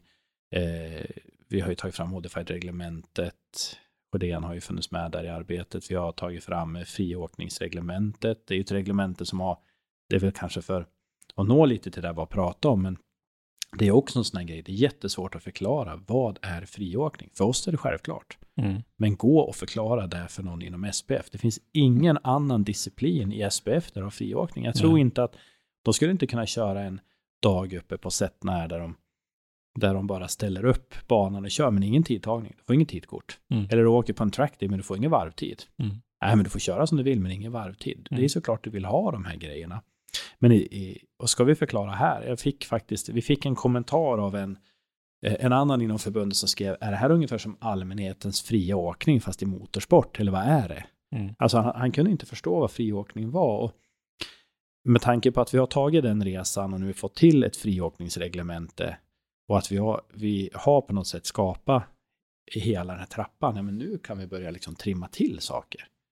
Det känns, det känns jättebra liksom att ha kommit dit, men någonstans kan vi inte granska alla som vi sa. Mm. Och det ligger lite på individen och det ligger på kollektivet att se till att hjälpa varandra att höja den här sporten. Du ser inga uppenbara brister åtminstone som, som har orsakat, alltså eh, i besiktning, eh, tekniskt reglement och så vidare som orsakar Om vi tar Victor Joensus brand som, som Nej, exempel. Där. nej det, det tycker jag inte. Det är ju svårt att hålla koll på de specifika grejerna när de är Mm. och skruvar i motorn och så vidare. Så så är det ju. Och Mm. Nu är ju vikt, alltså Joensus bilar är ju, är ju välbyggda. Så att, Mm. eh, Och återigen, Victor rannsakade ju sig själv och sa ju att det, det skulle ju på Loctite och, Ja. och för, han, han tog ju på sig det själv så att säga i den. ja, ja, i ja den men och meningen. det är liksom all, all, heder till, all heder till honom. Det är inte alla som skulle ta på sig saker själv, utan så att eh, all heder till honom för Mm. det, det måste jag Och säga. sen- Sen är det väl det att menar, man kan ju inte gå runt och efterdra varenda skruv varenda gång man är på en tävling heller. För saker och ting vibrerar ju löst. Det, det gör ju det. Då har du inte varit med i Top Fuel märker Ja, okej. Ja. ja, ja, de, ja. Men in, inom drifting så är det inte så ofta man går in i depån, river motorn på några sekunder och bygger ihop den och sticker Nej, men då, men då är vi på den nivån. Då krävs det liksom 10 till 12 Ja. gubbar som meckar och du skruvar liksom i två, Ja, precis. två och en halv timme i, i tokskruvar för att få ihop motorn ut. Och sen när du är klar med det, då vet man, då är det jätteroligt. För, för att få någon latcha i bilen i, ja garanterat, Fyra 4 till sekunder. 5 Ja, sekunder. Och, och sen är det dags att göra om det. Och s- sen får du göra om samma Ja. sak. Det är mer, mer så här risk för gängpaj än, än att saker vibrerar löst. Ja, men jag tror vi räknade ut någon gång, jag vet inte, att på en helg tror jag vi skruvade typ 300 timmar eller någonting på teamet och för där fick föraren köra i, ja, det var väl inte ens 30 sekunder.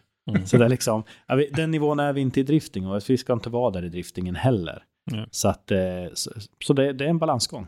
Men det, går, det, det jag menar är att det, det går ju liksom inte idiotsäkra som båda. Saker och ting kommer ju att släppa förr eller senare. Och man, för man kan ju inte, som, även som team kan ju inte stå och se till så att varenda skruv sitter rätt moment hela tiden. För som sagt var, det är ju ganska... Nej men så är det. Och så länge vi har människa och vi har material Ja. med så kommer vi ha en viss faktor av att saker kan fela. Alltså det kan ju vara eh, godset som är slut i någonting eller det kan handla om att individen som mecka var lite trött eller lite disträ eller sa hej till någon samtidigt som man så att han drog inte åt tillräckligt. Alltså vi kan aldrig vara där vi 100% sätter det. Då, skulle, då behöver inte vi vara på banorna heller. Nej, jag tänkte så att då kan de ju köra i liksom, ett par badbrallor sen. Ja. Då, då är allting så safe så att du behöver inte ha någon skyddsutrustning. Så då måste man, behöver man inte ha det ens. Om, om, alla, om alla bilar vore så idiotsäkra så att säga, då skulle det aldrig ske några olyckor. Så du behöver aldrig ha någon safety-utrustning heller. Ja men vore allt så säkert skulle inte jag jobba inom räddningstjänsten. Nej. Liksom. Saker Nej, nej, händer. Nej, det, Å andra sidan skulle det. kanske motorsporten inte vara lika rolig, för det är liksom lite så här, vad ska man säga, jämfört med fotboll så är det lite bad boy-attityd med motorsport. Det är lite tuffare, lite fräckare, det är lite farligare. Och det är väl liksom lite det utav det som lockar också. Ja men så är det. Jag tror det var länge sedan eh, folk rapporterade så mycket eller gjorde Mm. så många inlägg som när Grosjean brann nu liksom. Och Sebastian Vettel, han sa ju rakt ut. People wanna see this. Ja, ja, ja. Varför Det- kör ni de där repriserna om och om igen? Och här, People och, wanna see this. ja men och här, och här har vi liksom nu kanske, nu kanske F1 mjölka ut lite väl Ja, mycket i det, det det där. var Men, lite. Ja. men så, så är det. Men vi kan titta, ta som USA, dragracingen. John Force, han har ju lärt sig det här. Han gjorde ju det, han kom ju ur sin taklucka, ur sin Nitro Funny Car, den var ju full med rök. Kom han upp och så tittade han på kameramannen. Did you get a nice shot? Kameramannen skakade på huvudet, då dök han ner igen i bilen. Och så kom han upp igen. Så han har ju verkligen förstått värdet Ja, av att ja. det ska synas liksom. Så att, Mm. och jag vet Ryan Latain sa det där någon gång bra, liksom att ja, men måste vi välja mellan att vara, mellan att vara wrestling eller vara den här eh, riktiga sporten så kanske vi ibland måste välja att vara wrestlingen. Vi måste ju visa någonting som är spektakulärt för att folk ska vilja se på det. Mm. Ja, det, det är det som är så tråkigt. Vi håller på med en sportgren som det är bara när det- ja, F1 är väl en så pass stor sport så den syns väl hela tiden. Men enda gången till exempel drifting skulle synas på Sportnytt, det är om det skulle ske en olycka. Det ser man ju de enda gången de visar rally, det är när det har skett någon avåkning eller om vi kör ett SM-rally i Sverige. liksom. Men samtidigt, har du läst nyheten i tidningen en gång att Margit gick till jobbet, inget hände?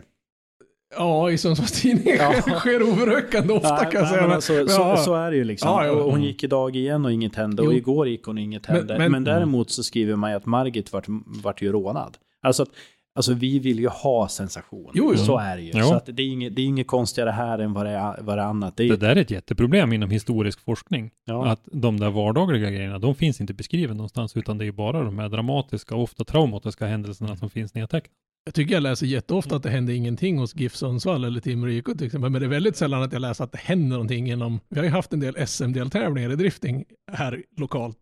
Och det är knappt, det skrivs någonting i ST om det. Nej, men så, så är det. Sen, sen är det, ligger vi lite i sakens natur att det, det är svårt att bygga, bygga allt för mycket exponering på motorsport. För vi är inte lika lokal som till exempel ett fotbollslag som spelar hälften av sina matcher på hemmaplan och syns Mm. hela tiden och tränar här och har liksom GIF Sundsvall. Medan ska jag följa en motorsportutövare så måste jag kanske åka till Mantorp och jag måste åka till Hultsfred och jag får åka till Lidköping och Mm. det är svårt att, att bygga samma hype kring det.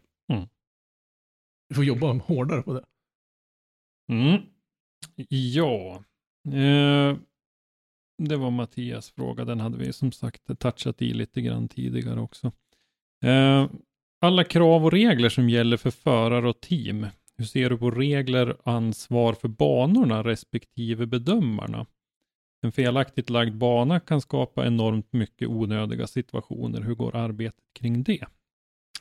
Nej, men så är det väl. Jag hoppas väl att, alltså jag lägger ju på någonstans över till de som lägger banorna att de lägger banor som där det finns ett flyt och det finns liksom en möjlighet att köra. Sen har vi ju problemet att vi har ju inte möjligheten att lägga banorna precis som den drömmen vi skulle vilja göra, utan ibland är vi ju låst av hur eh, underlaget ser ut eller hur, vilket utrymme vi har eller vad polisen säger att man får folk eller inte och så vidare. Så att där finns det ju klara dömningar. Sen finns det ju liksom, det här är ju liksom ungefär samma risktagande vi har som i F1, där eh, när vi nu kan se de här eh, Tilkebanorna med jättestora avåkningsytor som är asfalterat. Mm. Och det är ju syftet att åka ut på gräs tappar du ju friktionen och så går det jättefort. Mm. Men är du på asfalt kan du bromsa, men istället så ser vi ju att nu vet ju förarna att de kan Mm. ju överköra. Mm. För det är ju bara att åka ut på den stora asfaltsprätten och så ansluter man Mm. igen. Man tappar inget däck, man tappar ingenting, man kraschar inte. Men Lille Mac blev arg och sparkade i muren för att det fanns ingen eh, asfalt där nu senaste gången. Ja, så kan det Som ju han fakt- hade räknat med att det Ja, gjorde. men så, så, så, men så kan det vara, för man Mm. blir bekväm. Så att Mm. vi ser ju samtidigt att eh, det här med murar, inte murar och så vidare, att kör vi banor där vi inte har murar, då kommer det ju att gå väldigt mycket fortare.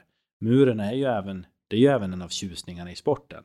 Det är lite delat det här ibland när man kör vissa banor, att vissa förare säger oh, det här var det bästa banan jag har kört. Och vissa säger åh, aldrig mer. Så att det, det är ju där på något sätt, alla har ju sin, alltså har ju sin referens till vad man vill köra för typ av bana. Såklart ska vi undvika alltså dumma saker. Mm. Alltså så är det ju. Vi ska ju försöka göra och vi, vi ska ju vara villiga att kunna ändra banan om vi märker att saker det här varit inte bra. Så måste man kunna göra, men det är en enorm balansgång. Fast det tycker jag nog att jag har varit med om ett antal gånger att vi har sett eh, på tävlingar att banan har justerats efter att man har kört ett tag och sett att nej, men det här slutklämmen blev inte bra. Vi plockar bort lite grann och sådär. Men i, i Ljusdal var de väl och tweakade lite grann där och tyckte att de skulle väl räta ut Ja, en, en sektion där, för det var väl, men där, där var det en ny bana, en ny klubb och det var ju liksom mycket nytt för dem där att och, och rodda med. ja men så var det. Där la ju bedömarna, la ju slingan och sen fick vi försöka bygga liksom som vi kunde efter det. Och sen hade vi vissa begränsningar med att det fanns någon brunn och då vill man ju inte att man ska gå över den och då måste man ju liksom skydda det på något sätt och så vidare. Sen är ju ett av problemen, det ser vi ju även i racing eller i, i rally eller rallycross eller vad som helst att, ja men titta Grosjean, det var väl ingen som hade tänkt sig att Grosjean skulle parkera där han parkerade. Nej, Och framförallt för- inte han. för det räcket var ju lite konstig vinkel på. Sådär. Ja men så är det och det, det är det här, alltså gamla sättet att se när man gjorde sådana här riskbedömningar för banor, det är liksom det är väldigt analogt. Du tar ett linjal och sen så ritar du liksom tusen streck ut från en kurva och då säger du på alla de här ställena kan bilen hamna. Men en bil går ju aldrig rakt fram. Mm. Så eh, det finns ett, ett företag eh, som jag lyssnar på från England som heter Driven som gör den här typen av analyser.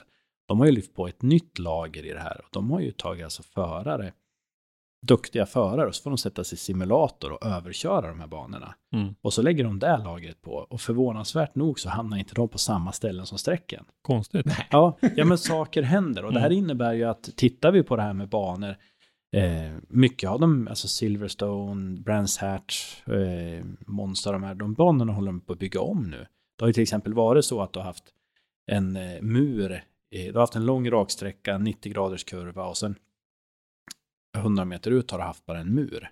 Där har man ju insett att, nej men vänta, vi riktar upp den här muren så den är lite vinkel, så går du in i den så deflekteras det undan. Mm. Så vi börjar ju bygga om även de etablerade banor idag. Det händer saker hela tiden i den här forskningen. Mm.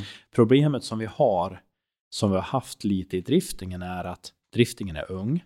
Det finns inte så mycket nerpräntat hur vi ska göra. Varje bana blir liksom unik på sitt sätt. Det är ju få banor där vi har kunnat hålla på och kört länge. Det är ju egentligen, som det ser ut nu, så är det ju Sundsvall och det är Mantorp.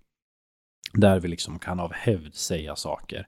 De andra banorna, oavsett om det har varit Ljusdal eller Skara, Hultsfred börjar väl få lite rutin nu, men då har ju handlat väldigt mycket om att, att liksom, vi har inte tillräckligt mycket data från de banorna för att kunna göra en bedömning. Var det bra eller inte? Var det föraren som misslyckas? Var det bilen som misslyckas? Eller var det banan som var felkonstruerad? Liksom.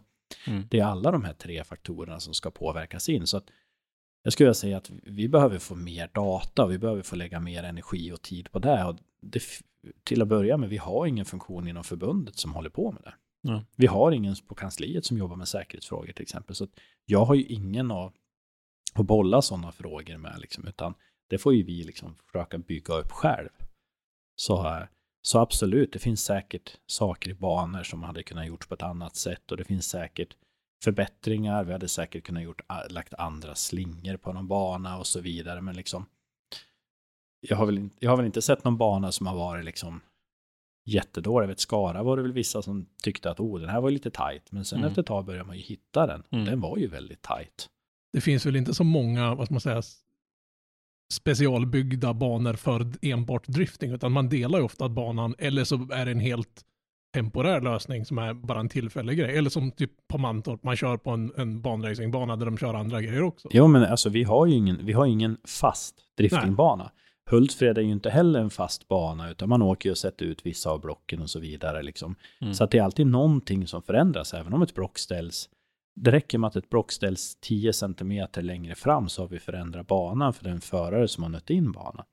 Mm. Så att det är liksom, det är så små, små grejer, för vi är alltid på marginalen. Liksom när vi gör de här banorna eller när, när Mm. man ska köra. Så det så- den här fönstret är så litet liksom på något sätt. Så det där, jag skulle jättegärna vilja att vi pratar, eh, liksom att man pratar mer banor. Jag skulle även vilja att man tar över erfarenhet från racing och time attack och så vidare också, hur vi liksom ser på banorna och bygga upp en modern erfarenhet. Tyvärr så eh, har väl inte det engagemanget riktigt funnits centralt ifrån. Så, men det är sånt vi försöker dra i hela tiden. Mm. Eh, Han frågar lite grann om reglerna och ansvaret, fördelningen mellan banor och bedömare. Liksom, eh, eh, känner du att det fungerar bra att bedömarna lägger banan och, och sådär själv, eller skulle det behövas att, att domaren tittar över och, och, och liksom signar av att banan är okej? eller Det, det gör ju banbesiktaren. Vi besiktar ju banorna, så är det ju. varje, inför varje tävling? Ja, alltså, eller om man säger så här, du besiktas ju, ja nu har det ju blivit så för att det är nästan alltid en ny bana. Mm. Men vi, vi gör ju en, en banbesiktning. Mm. Sen är det ju så, vi har ju en banbesiktning att följa. Sen ska vi ju veta att vi är ju inte så många banbesiktare, utan de som besiktar banorna, det är ju jag, eh, Thomas Olsson är från Skåne och varit med och besiktat Max, har besiktat någon bana, men liksom Mm. Vi är ju där på plats, så vi ser ju om det är saker som inte harmoniserar mot banbesiktningen. Sen ändras någonting, då måste vi ändra banbesiktningen. Så då måste vi ju göra en uppdaterad banbesiktning. Så under den här kan det ju vara så att man får springa in och skriva på några papper för att liksom den ska vara, den ska vara up to date liksom. Mm. Så, det, så det ser jag inte som ett problem. Domarens jobb är ju att se till att banbesiktningen följs. Mm.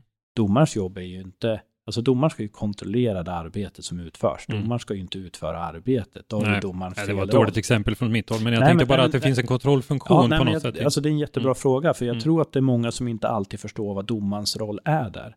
Domaren är ju liksom på något sätt den som ska granska, det är ju den som ska gå runt där med regelboken och den här licensen och se att ja, fast det här stämmer ju inte, utan det skulle ju vara så där. Mm. Och sen på något sätt, alltså det är ju dens funktion, så att eh, den fyller en jätteviktig funktion, men det är ju en dialog med banbesiktare, det är ju en dialog, med bedömarna. Sen är det ju, alltså som tävlingsledare, säkerhetschef har ju ett mandat. Mm. Alltså, jag kommer ju inte att låta bedömarna lägga en bana som jag vet slutar i en, i en 90 graders eller en mur Mm. rakt fram liksom. Här kommer det att smälla. Nej, Mm. det får ni ju inte göra, utan då får vi ju göra en ändring där. Så det är väl därför det har blivit lite så att bedömarna lägger banan och sen är det en dialog. Det är liksom inte att de går ut och bara ritar strecken och sen går de, åker de därifrån, utan det är ju en kontinuerlig dialog. Mm. Och sen vill man få in någon bil och, och det här är oftast ett av problemen, att vi kanske inte kommer in och får tillgång till banan så lång tid innan, så Ja. vi hinner inte provköra banorna jättemycket. Eh, kanske man skulle vilja provköra dem mer än vad man gör. Mm. Så att, eh, men det, det är sånt man kan bli bättre och utvecklas på. Ja, bra svar på den frågan tycker jag. Eh, sen så kommer vi in på ett kärt ämne och det är ju det här med elbilar. Och det är ju en, en fråga som eh, väcker åsikter oavsett om man sitter vid fikabordet på jobbet eller inom motorsporten.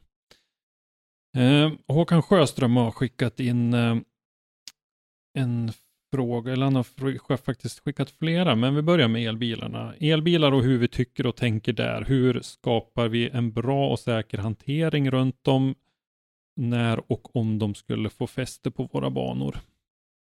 Om vi börjar där. Ja, ehm, vad är meningen med livet? Kan vi också... Nej, det- jag, jag, jag, tror- jag tror han syftar på vad händer när det börjar brinna ett Ja, nej, men så här är det att elbilar, alltså vi kan väl helt enkelt säga så att elbilar kommer inte att komma, elbilar är här. Mm. Det är ju bara, just nu sitter vi ute efter en rätt så trafikerad väg, tror jag. Skulle vi ställa oss här och kolla så kan vi nog konstatera att kanske en av 10, en av 15 bilar som passerar kommer vara någon form av el eller hybridbil. Mm. Så att de finns ju där. För drifting är ju el optimalt.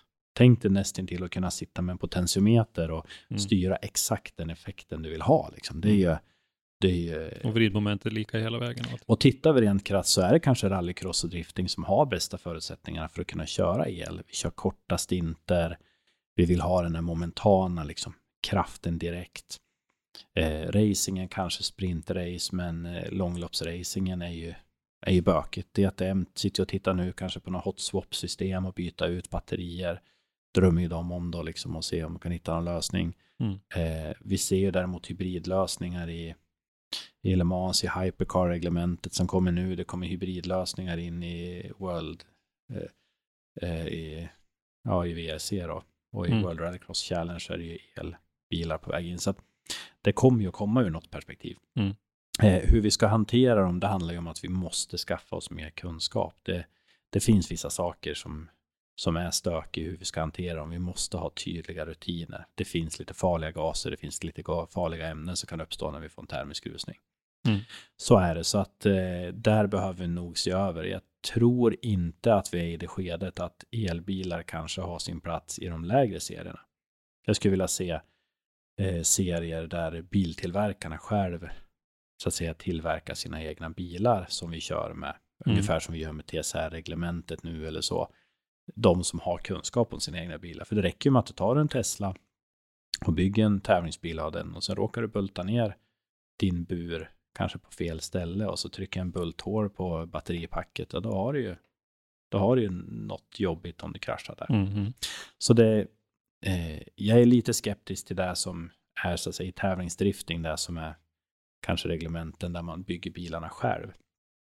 Så att eh, jag tror enkla svaret är väl helt enkelt att vi måste samla mycket mer kunskap innan vi är beredda att ta dem. Vi har stött på det, jag har haft jättebra dialog med Göran Svensson, ordförande i Sundsvall då, och även ordförande i Mellannorrlands Bilsportförbund har ju varit på mig väldigt mycket om, om det här och, och han har väl pushat på mycket mot förbundet. Tyvärr har det väl har det väl varit väldigt trögt i förbundet att ta tag i den här frågan överhuvudtaget. Man har väl liksom inte, ja, nu tror jag man har påbörjat någon form av arbete, men man tittar fortfarande inte på säkerhetsaspekten i det hela. Och det kanske är liksom ändå kärnan i det, hur ska vi hantera de här bilarna? Mm. Och jag tror det kommer nog att dröja bra många år innan, innan vi ser dem i ett, ett större skede. Sen är frågan, är elbilar ens det vi kommer att se? För nu ser vi ju de här eh, vätecellsbilarna komma Mm. in. Är det ett mer intressant reglement eller intressant teknisk lösning för oss att ha? Problemet som är, det är, det är lite som med datorn. Liksom, när en PC är släppt är den redan gammal. Mm. Så är det lite med elbilar, att när tekniken är ute på marknaden, då är den redan obsolet. Då är den Mm. redan gammal, då är det en ny teknik på väg ut redan. Så att eh, det är logistiskt, hur ska vi klara av det? Hur ska vi klara av laddningsinfrastrukturen på Mm. banorna? Mm. Eh, Ja, det är många frågor med det där, men, Ja. men just specifikt räddningen. Jag, vet- jag vet ju att det finns ju omnämnt i driftingens räddningsreglement i alla fall. Vi la ju in det eh, för att vi vet att det, det byggs ju. Det byggs ju bilar, Mm. så är det ju. Eh, och vi la ju in för vi vill ju visa att vi faktiskt är i framkanten, att, att vi i alla fall har tagit någon form av avstamp i det. Mm. Vi är ju första sportgrenen som, Mm, har reglementet. Så det kan vi Mm. vara lite stolta över i alla fall. Mm. Det är 3000 liter vatten och en pump som gav 150 liter. ja, 150 minut liter Ja. mellan stycket. eh, Det, och det är ju räknat helt enkelt. Alltså jag har ju suttit, jag tycker ju om mina papper och Excel. Så jag har ju suttit och kollat avstånd till alla brandstationer och vad de har för resurser i förhållande till banorna. Både drifting och racing. Mm. Och eh, då har vi ju tittat på vad de har för typ av resurs, hur snabbt de kan komma fram på plats. Och då har vi utgått ifrån 150 minutliter, 3000 liter vatten, då har vi 20 minuter insatstid, vi kan släcka eller vi kan kyla. På 20 minuter ska vi på de flesta banorna ha fram extern räddningstjänst på plats med tankbil. Kommer de ungefär 10 kubik vatten plus 3 kubik i släckbilen, Mm. då kan man fylla den här tanken på 3 kubik till och under den tiden eh, så kan, eh, när man har tömt tanken på tankbilen kan den åka och hämta mer vatten och så vidare. Så det handlar ju om att få en logistisk Mm. kedja. Jag har ju fallit tillbaka till, till mitt vardagsjobb här Mm, och suttit och mm. räknat och då sa vi det, men vi sätter det och det, det handlar också om att 3000 liter vatten, ja men det kanske inte är helt omöjligt att transportera på en ett större bilsläp eller en, en lite mindre traktorvagn eller någonting och faktiskt fått med. För Mm. samtidigt är det, vi kan ju gå in och skriva att man ska ha en släckbil för 4,2 miljoner, men det är ingen som kommer att skaffa den. Mm. Men gör man en sån här sak och säger att vi ska ha vatten och i den här omfattningen, ja, men det är relativt enkelt. Man kan fixa sina IBC-tankar, tre stycken. Man kan låna en vattenpump och man har fixa Mm. ett strålrör och en slang. Men då har vi i alla fall någonting för att kunna påbörja Mm. någonting. Men vi ska se det som det är en början till någonting. Det är ingenting Abso- som är... Absolut, det, vi måste in med mycket mer rutiner. Det där, som sagt, det är det jag ska föreläsa om imorgon då. Mm. Och eh, vi får väl se. Det är ju lite avstamp. Jag ska ju föreläsa för bland annat eh, ja, FIA och Nascar och Indycar och eh, V8 Mm. Supercar Australien och DTM och några till kommer ju att sitta där och lyssna. Så att eh, förhoppningsvis sätter ju det igång en process. Jag ska Mm. även köra det mer öppet forum med ICMS i mars. Ska vi köra det och kunna ha det mer under diskussionsforum. Och då får man ju se liksom vad, vad får vi för respons. För att vi har ju de här bilarna här, men nu ser vi till exempel att i Formel E börjar ju till och med tillverkare kliva bort ifrån Formel E. Mm. Så att vi vet ju inte vad som händer med det här. Absolut. Ja, det var lite diskussion kring det. Håkan hade även en fråga om eh, hur gör vi för att få ett närmare samarbete med våra SPF-läkare angående delegeringar? Det lät som en ganska specifik fråga att ha varit Ja. problem kring Ja, det. jo, jag har pratat med Håkan om det. Jo, nej men alltså det problemet vi har idag är väl helt enkelt att vi har, jag skulle säga ett generellt sett problem vad det gäller driftingen. Att eh, driftingen är ju, vi är väldigt liten i förbundet och det har väldigt mycket att göra med att väldigt många driftare kör ju frikörning på, alltså engångslicenser. Mm. Engångslicenserna redovisas inte per sportgren, utan de läggs liksom i en stor hög, i en siffra bara liksom, här, vi har tagit ut 20 000 licenser på ett år. Mm. Men vi vet inte hur många av dem som är drifting. Eh, tittar vi på antalet driftingförare, tävlande driftingförare, tror jag det ligger någonstans på strax över 250, tror jag 268 eller något sånt där. Och eh, det ser ju väldigt lite ut jämfört med dragracingen 1000, racingen 4000 och så vidare. Men skulle vi ta och lägga in alla de här, alltså pröva på licenserna, så skulle vi vara en väldigt stor sportgren. Mm. Vår förhoppning är ju att det ska redovisas per sportgren nu och ibland märker vi att vi har svårt att få ett gehör, att vi har svårt att få igenom saker. Sen just eh, förbundsläkarna, där finns det väl en liten form av tröghet i organisationen. De är inte så aktiv i andra sportgrenar förutom rally och rallycross där de själva är aktiv. Så där har vi väl ett, ett visst problem att få respons. Där har jag, ja, ni har ju pratat med Berting här, Mm. Magnus Bertling, då, den nya ordförande, och jag har också haft möte med honom och prata och påpeka lite av de här sakerna. Så vi hoppas väl att, att eh, det blir någon form av grabbatag och man förändrar organisationen lite nu under. Han har väl lovat att de ska titta under 2021, men efter lite resor och äventyr så har de lite andra saker att hugga tag i först då. Mm. Mm. Ja, de har lite att jobba med.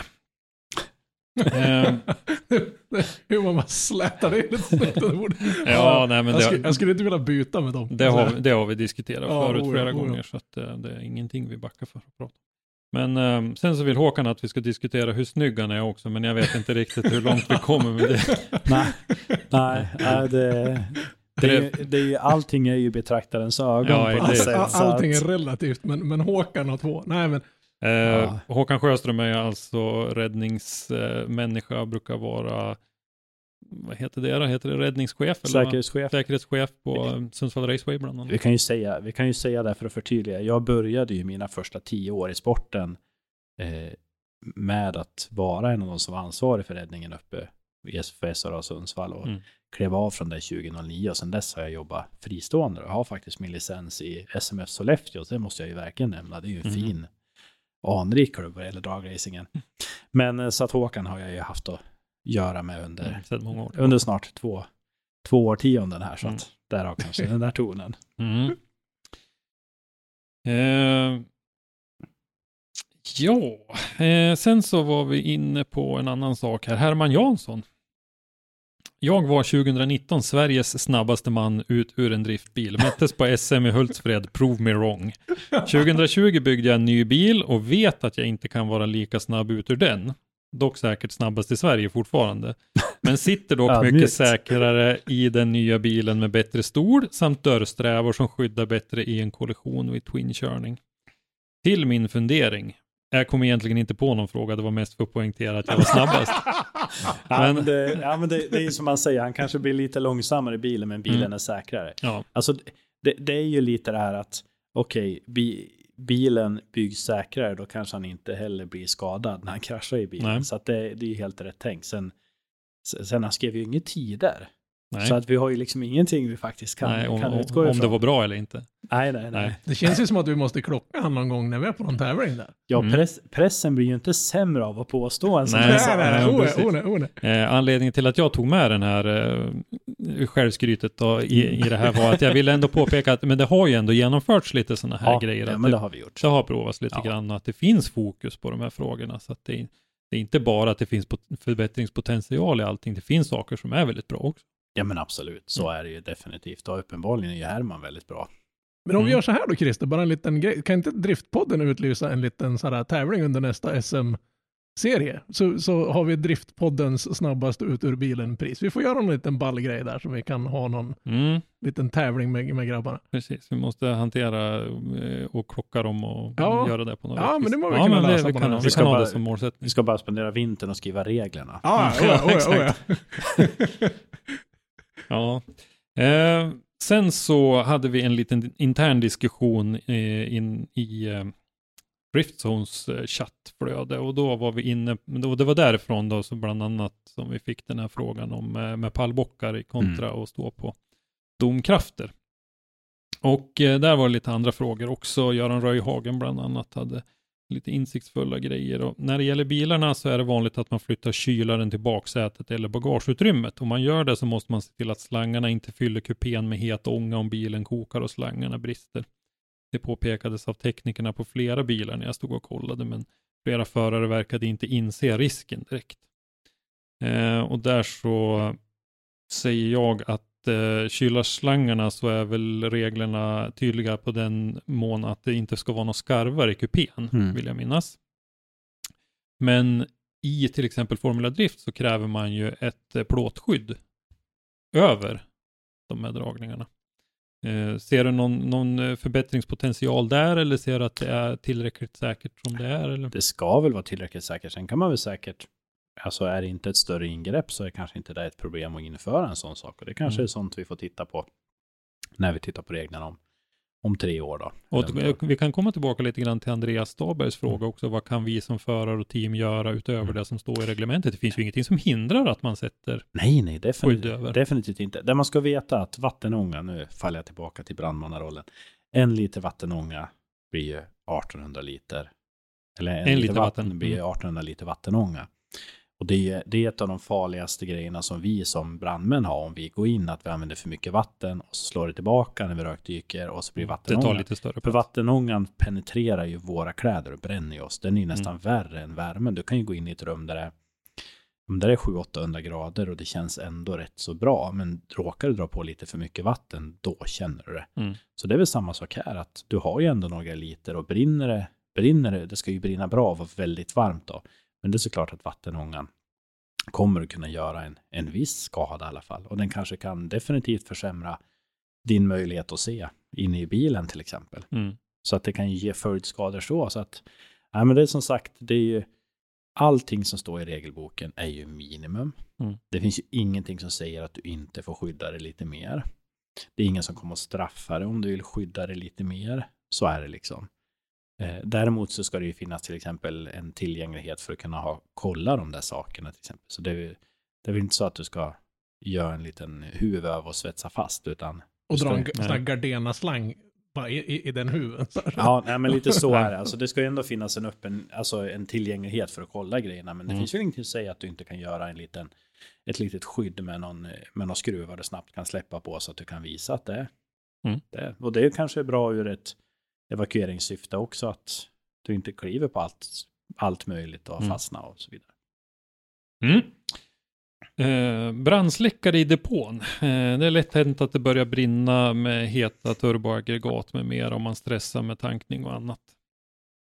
Eh, där finns det ju en ganska tydlig regel. Absolut, varje team ska ha en synlig. Mm. Och den- Väl skyltad och väl synlig Ja. vid ingången till depån tror jag det står. Ja, och det Mm. har ju att göra med att av hävd, det här är ju också en sak vi har lärt oss, det är det att vissa ställer den längst in i depåplatsen, Mm. in mot bussen eller sådär, för man har så fin hållare Så, där. så man måste ta sig förbi den brillande bilen för att hämta brandsläckare. Ja, men sen, Right. finns, sen finns det ju en annan aspekt man inte tänker på, men det är att börja en bil brinna ute i depågatan, till exempel, Mm. Så har vi ju teoretiskt sett brandposter tillgängliga då Mm. utanför varje team. Du Mm. kan rycka en släckare, så att då kan du ju, och det är enkelt att plocka med sig den och springa över till grannen om det händer någonting. Och det vill jag också trycka på. Mm. En brandsläckare är kanske inte det som räcker, utan man kanske behöver en brandsläckare till, så ser att det är, plocka med det och spring till grannen. Mm. Kolla i racingen, de är kanonduktiga. Om det börjar brinna hos ett team, alltså du ser varenda team slänger grejerna, bara tar en släckare och springer dit till Mm. depån. För att man vet att det kan behövas tre, fyra släckare på den här Mm. bilen i värsta fall. Ja, och behöver du inte bränna av den så behöver du ju inte. Nej, då får du ju bara ett bra löppass. Mm. Så att det har du fått träning på kuppen. Så att, nej men så att hjälp varandra på det sättet. Eh, samma sak där, eh, vad du väljer att ha för släckare. Ja visst, där väljer du om du vill ha skum eller pulver. Vi har ju öppnat upp för bägge två. Och det Mm. att göra med, till exempel, det kan jag ju göra reklam för för våran del. Vi har inga pulversläckare på våran bil. Eller på våra bilar. Vi har inga pulversläckare i våran verksamhet överhuvudtaget. Förutom när vi åker vissa vinterrallyn, för då är det lite för kallt för skum ibland. Mm. Men annars har vi inte det, utan vi har skumsläckare. Och det är ju därför att vi inte skadar på Mm. samma sätt med en skumsläckare. Så rekommendationen är du lite rädd om grejerna, men ha en skumsläckare. Mm. Är du lite, vet du att dina grejer går varm och att lite sån sak, ha en liten kol, koldioxidsläckare då, som du kan Mm. puffa på lite. Så kan du ju enkelt släcka det där liksom. Det är inte humor att ta rätt på någon som har försökt släcka en mindre elbrand i en bil med en, med en 10 kilos pulversläckare. Nej, jag har ju varit med om de som har gjort det, ja, för att det är den släckare de har. Och man, alltså, det är ju som man gråter. Mm. Så det, är det ju. det är bara att kasta bort den. Alltså det, Ja. det, Jag har ju även sett de som har tagit av misstag fel släckare och de ångrar sig. Så Mm. därför så har inte vi ens pulversläckare i våra bilar, utan man ska inte kunna ta fel. Mm. Och eh, jag tycker vi har verkar klara oss rätt så bra med våra skumsläckare. Så, att, eh, så, eh, så se till att ha det. Se till att ha koll på sina släckare. Så att man verkligen kollar dem i jämna mellanrum.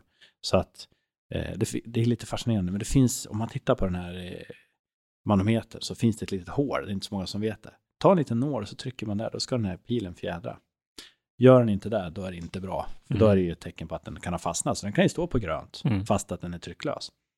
Samma sak, se till att du har vätska i den och att plomben är där. Se till att byta den med några års mellanrum. Mm. Så att man verkligen har fräscha släckare Där med sig. finns det ju lite grann att jobba på i hemmiljön också Ja, faktiskt. Det får man nog erkänna. Alltså jag är ju världens tråkigaste på att köpa julklappar. Jag köper ju släckare. ja, Det, det är faktiskt, det, det, är- det är rätt så bra. De, Mm. så, alltså, jag har aldrig kommit till någon i mitt jobb som säger så här, "Äh, det var en jäkla otur att jag köpte en släckare, för det Mm. börjar ju brinna här. Alltså så är det inte. Däremot Mm. har jag varit hos folk som sagt, ja men tänk om man hade haft en släckare. mm. Så att de är ju bra att ha. Det kan vara en tråkig utgiftspost. I min ungdom så satt jag eld på ett kök. För jag, okunskap, nyvaken, trött, fick för mig att skulle jag popcorn mitt i natten, lite halvfull, olja börjar brinna, Åh, det brinner och så bara brain fart, vatten släcker man. Nej, det gör man inte. Så var det jättebra. Men då hade jag en liten brandsläckare, men den klarade inte av det. Så. Men det är nog bara för att man måste nog ha varit med om en sån där grej. För en sån här Mm. liten Biltema brandsläckare släcker inte en oljebrand i köket. Nej men så är det. Nej men jag har ju, jag har ju tagit till nivån så jag har ju en egen räddningsbil hemma. Ja, ja men liksom- sådär, sådär. Det är, du är fan one-up. Men å andra sidan jobbar ju du liksom. Ja. Nej, men alltså det är såklart, alltså det är jätteviktigt att ha den där. Det kan vara verka tråkigt, och, men se till att man har den. Och skapa, det kommer jag föreläsa om imorgon, skapa rutiner. Mm. Så att man verkligen plockar fram den där släckaren. Sen finns det ju snygga också. Man behöver inte köpa en stor fet ful röd som står och ser lite halvkackig ut i hallen. Nej, inte hemma. Däremot tycker jag på motorbanan. Ja, jo, jo, ja, en. oh ja. Det är liksom, det är jätteballt att ha en zebrarand eller en tigermönstrad Mm, och en eller krona. leopardmönstrad. Ja. Men det, den, den är lite svårare att hitta. Ja. Vi vet att en brandsläckare är röd och att den ska Mm. se ut på ett visst sätt. Så, att, så men, eh, nej, men och, och vet man att man till exempel har sin släckare stående på sin plats, men man åker ut på banan då med, med bilen ut till depån där, men ha en extra släckare med sig så att man vet att den följer med ut. Mm. Men det ser man ju titt som tätt att oj, vi fick inte med den, den står ju kvar där inne. Mm.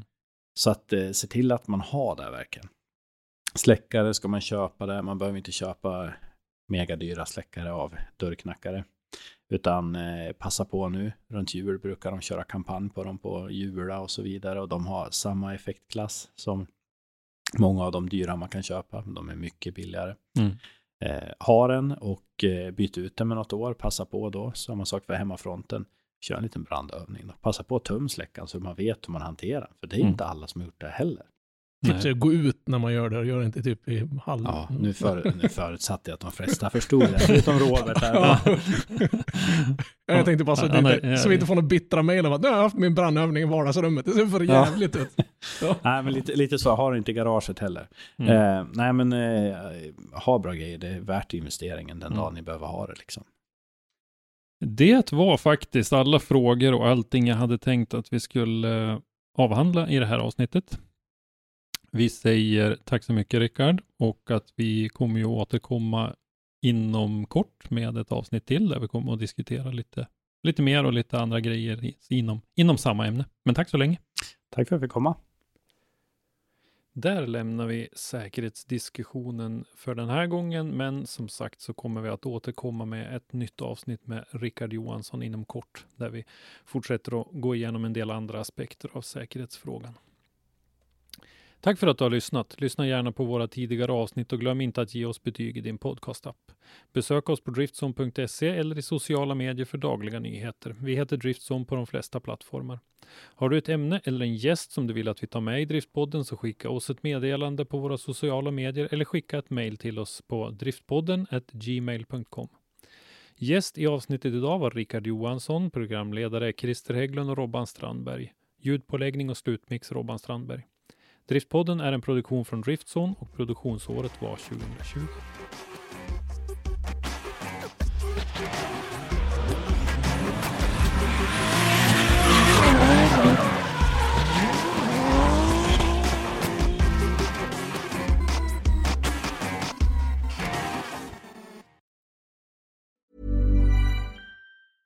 Mom deserves the best, and there's no better place to shop for Mother's Day than Whole Foods Market. They're your destination for unbeatable savings, from premium gifts to show-stopping flowers and irresistible desserts. Start by saving 33% with Prime on all body care and candles. Then get a 15-stem bunch of tulips for just $9.99 each with Prime. Round out Mom's menu with festive rosé, irresistible berry chantilly cake, and more special treats. Come celebrate Mother's Day at Whole Foods Market.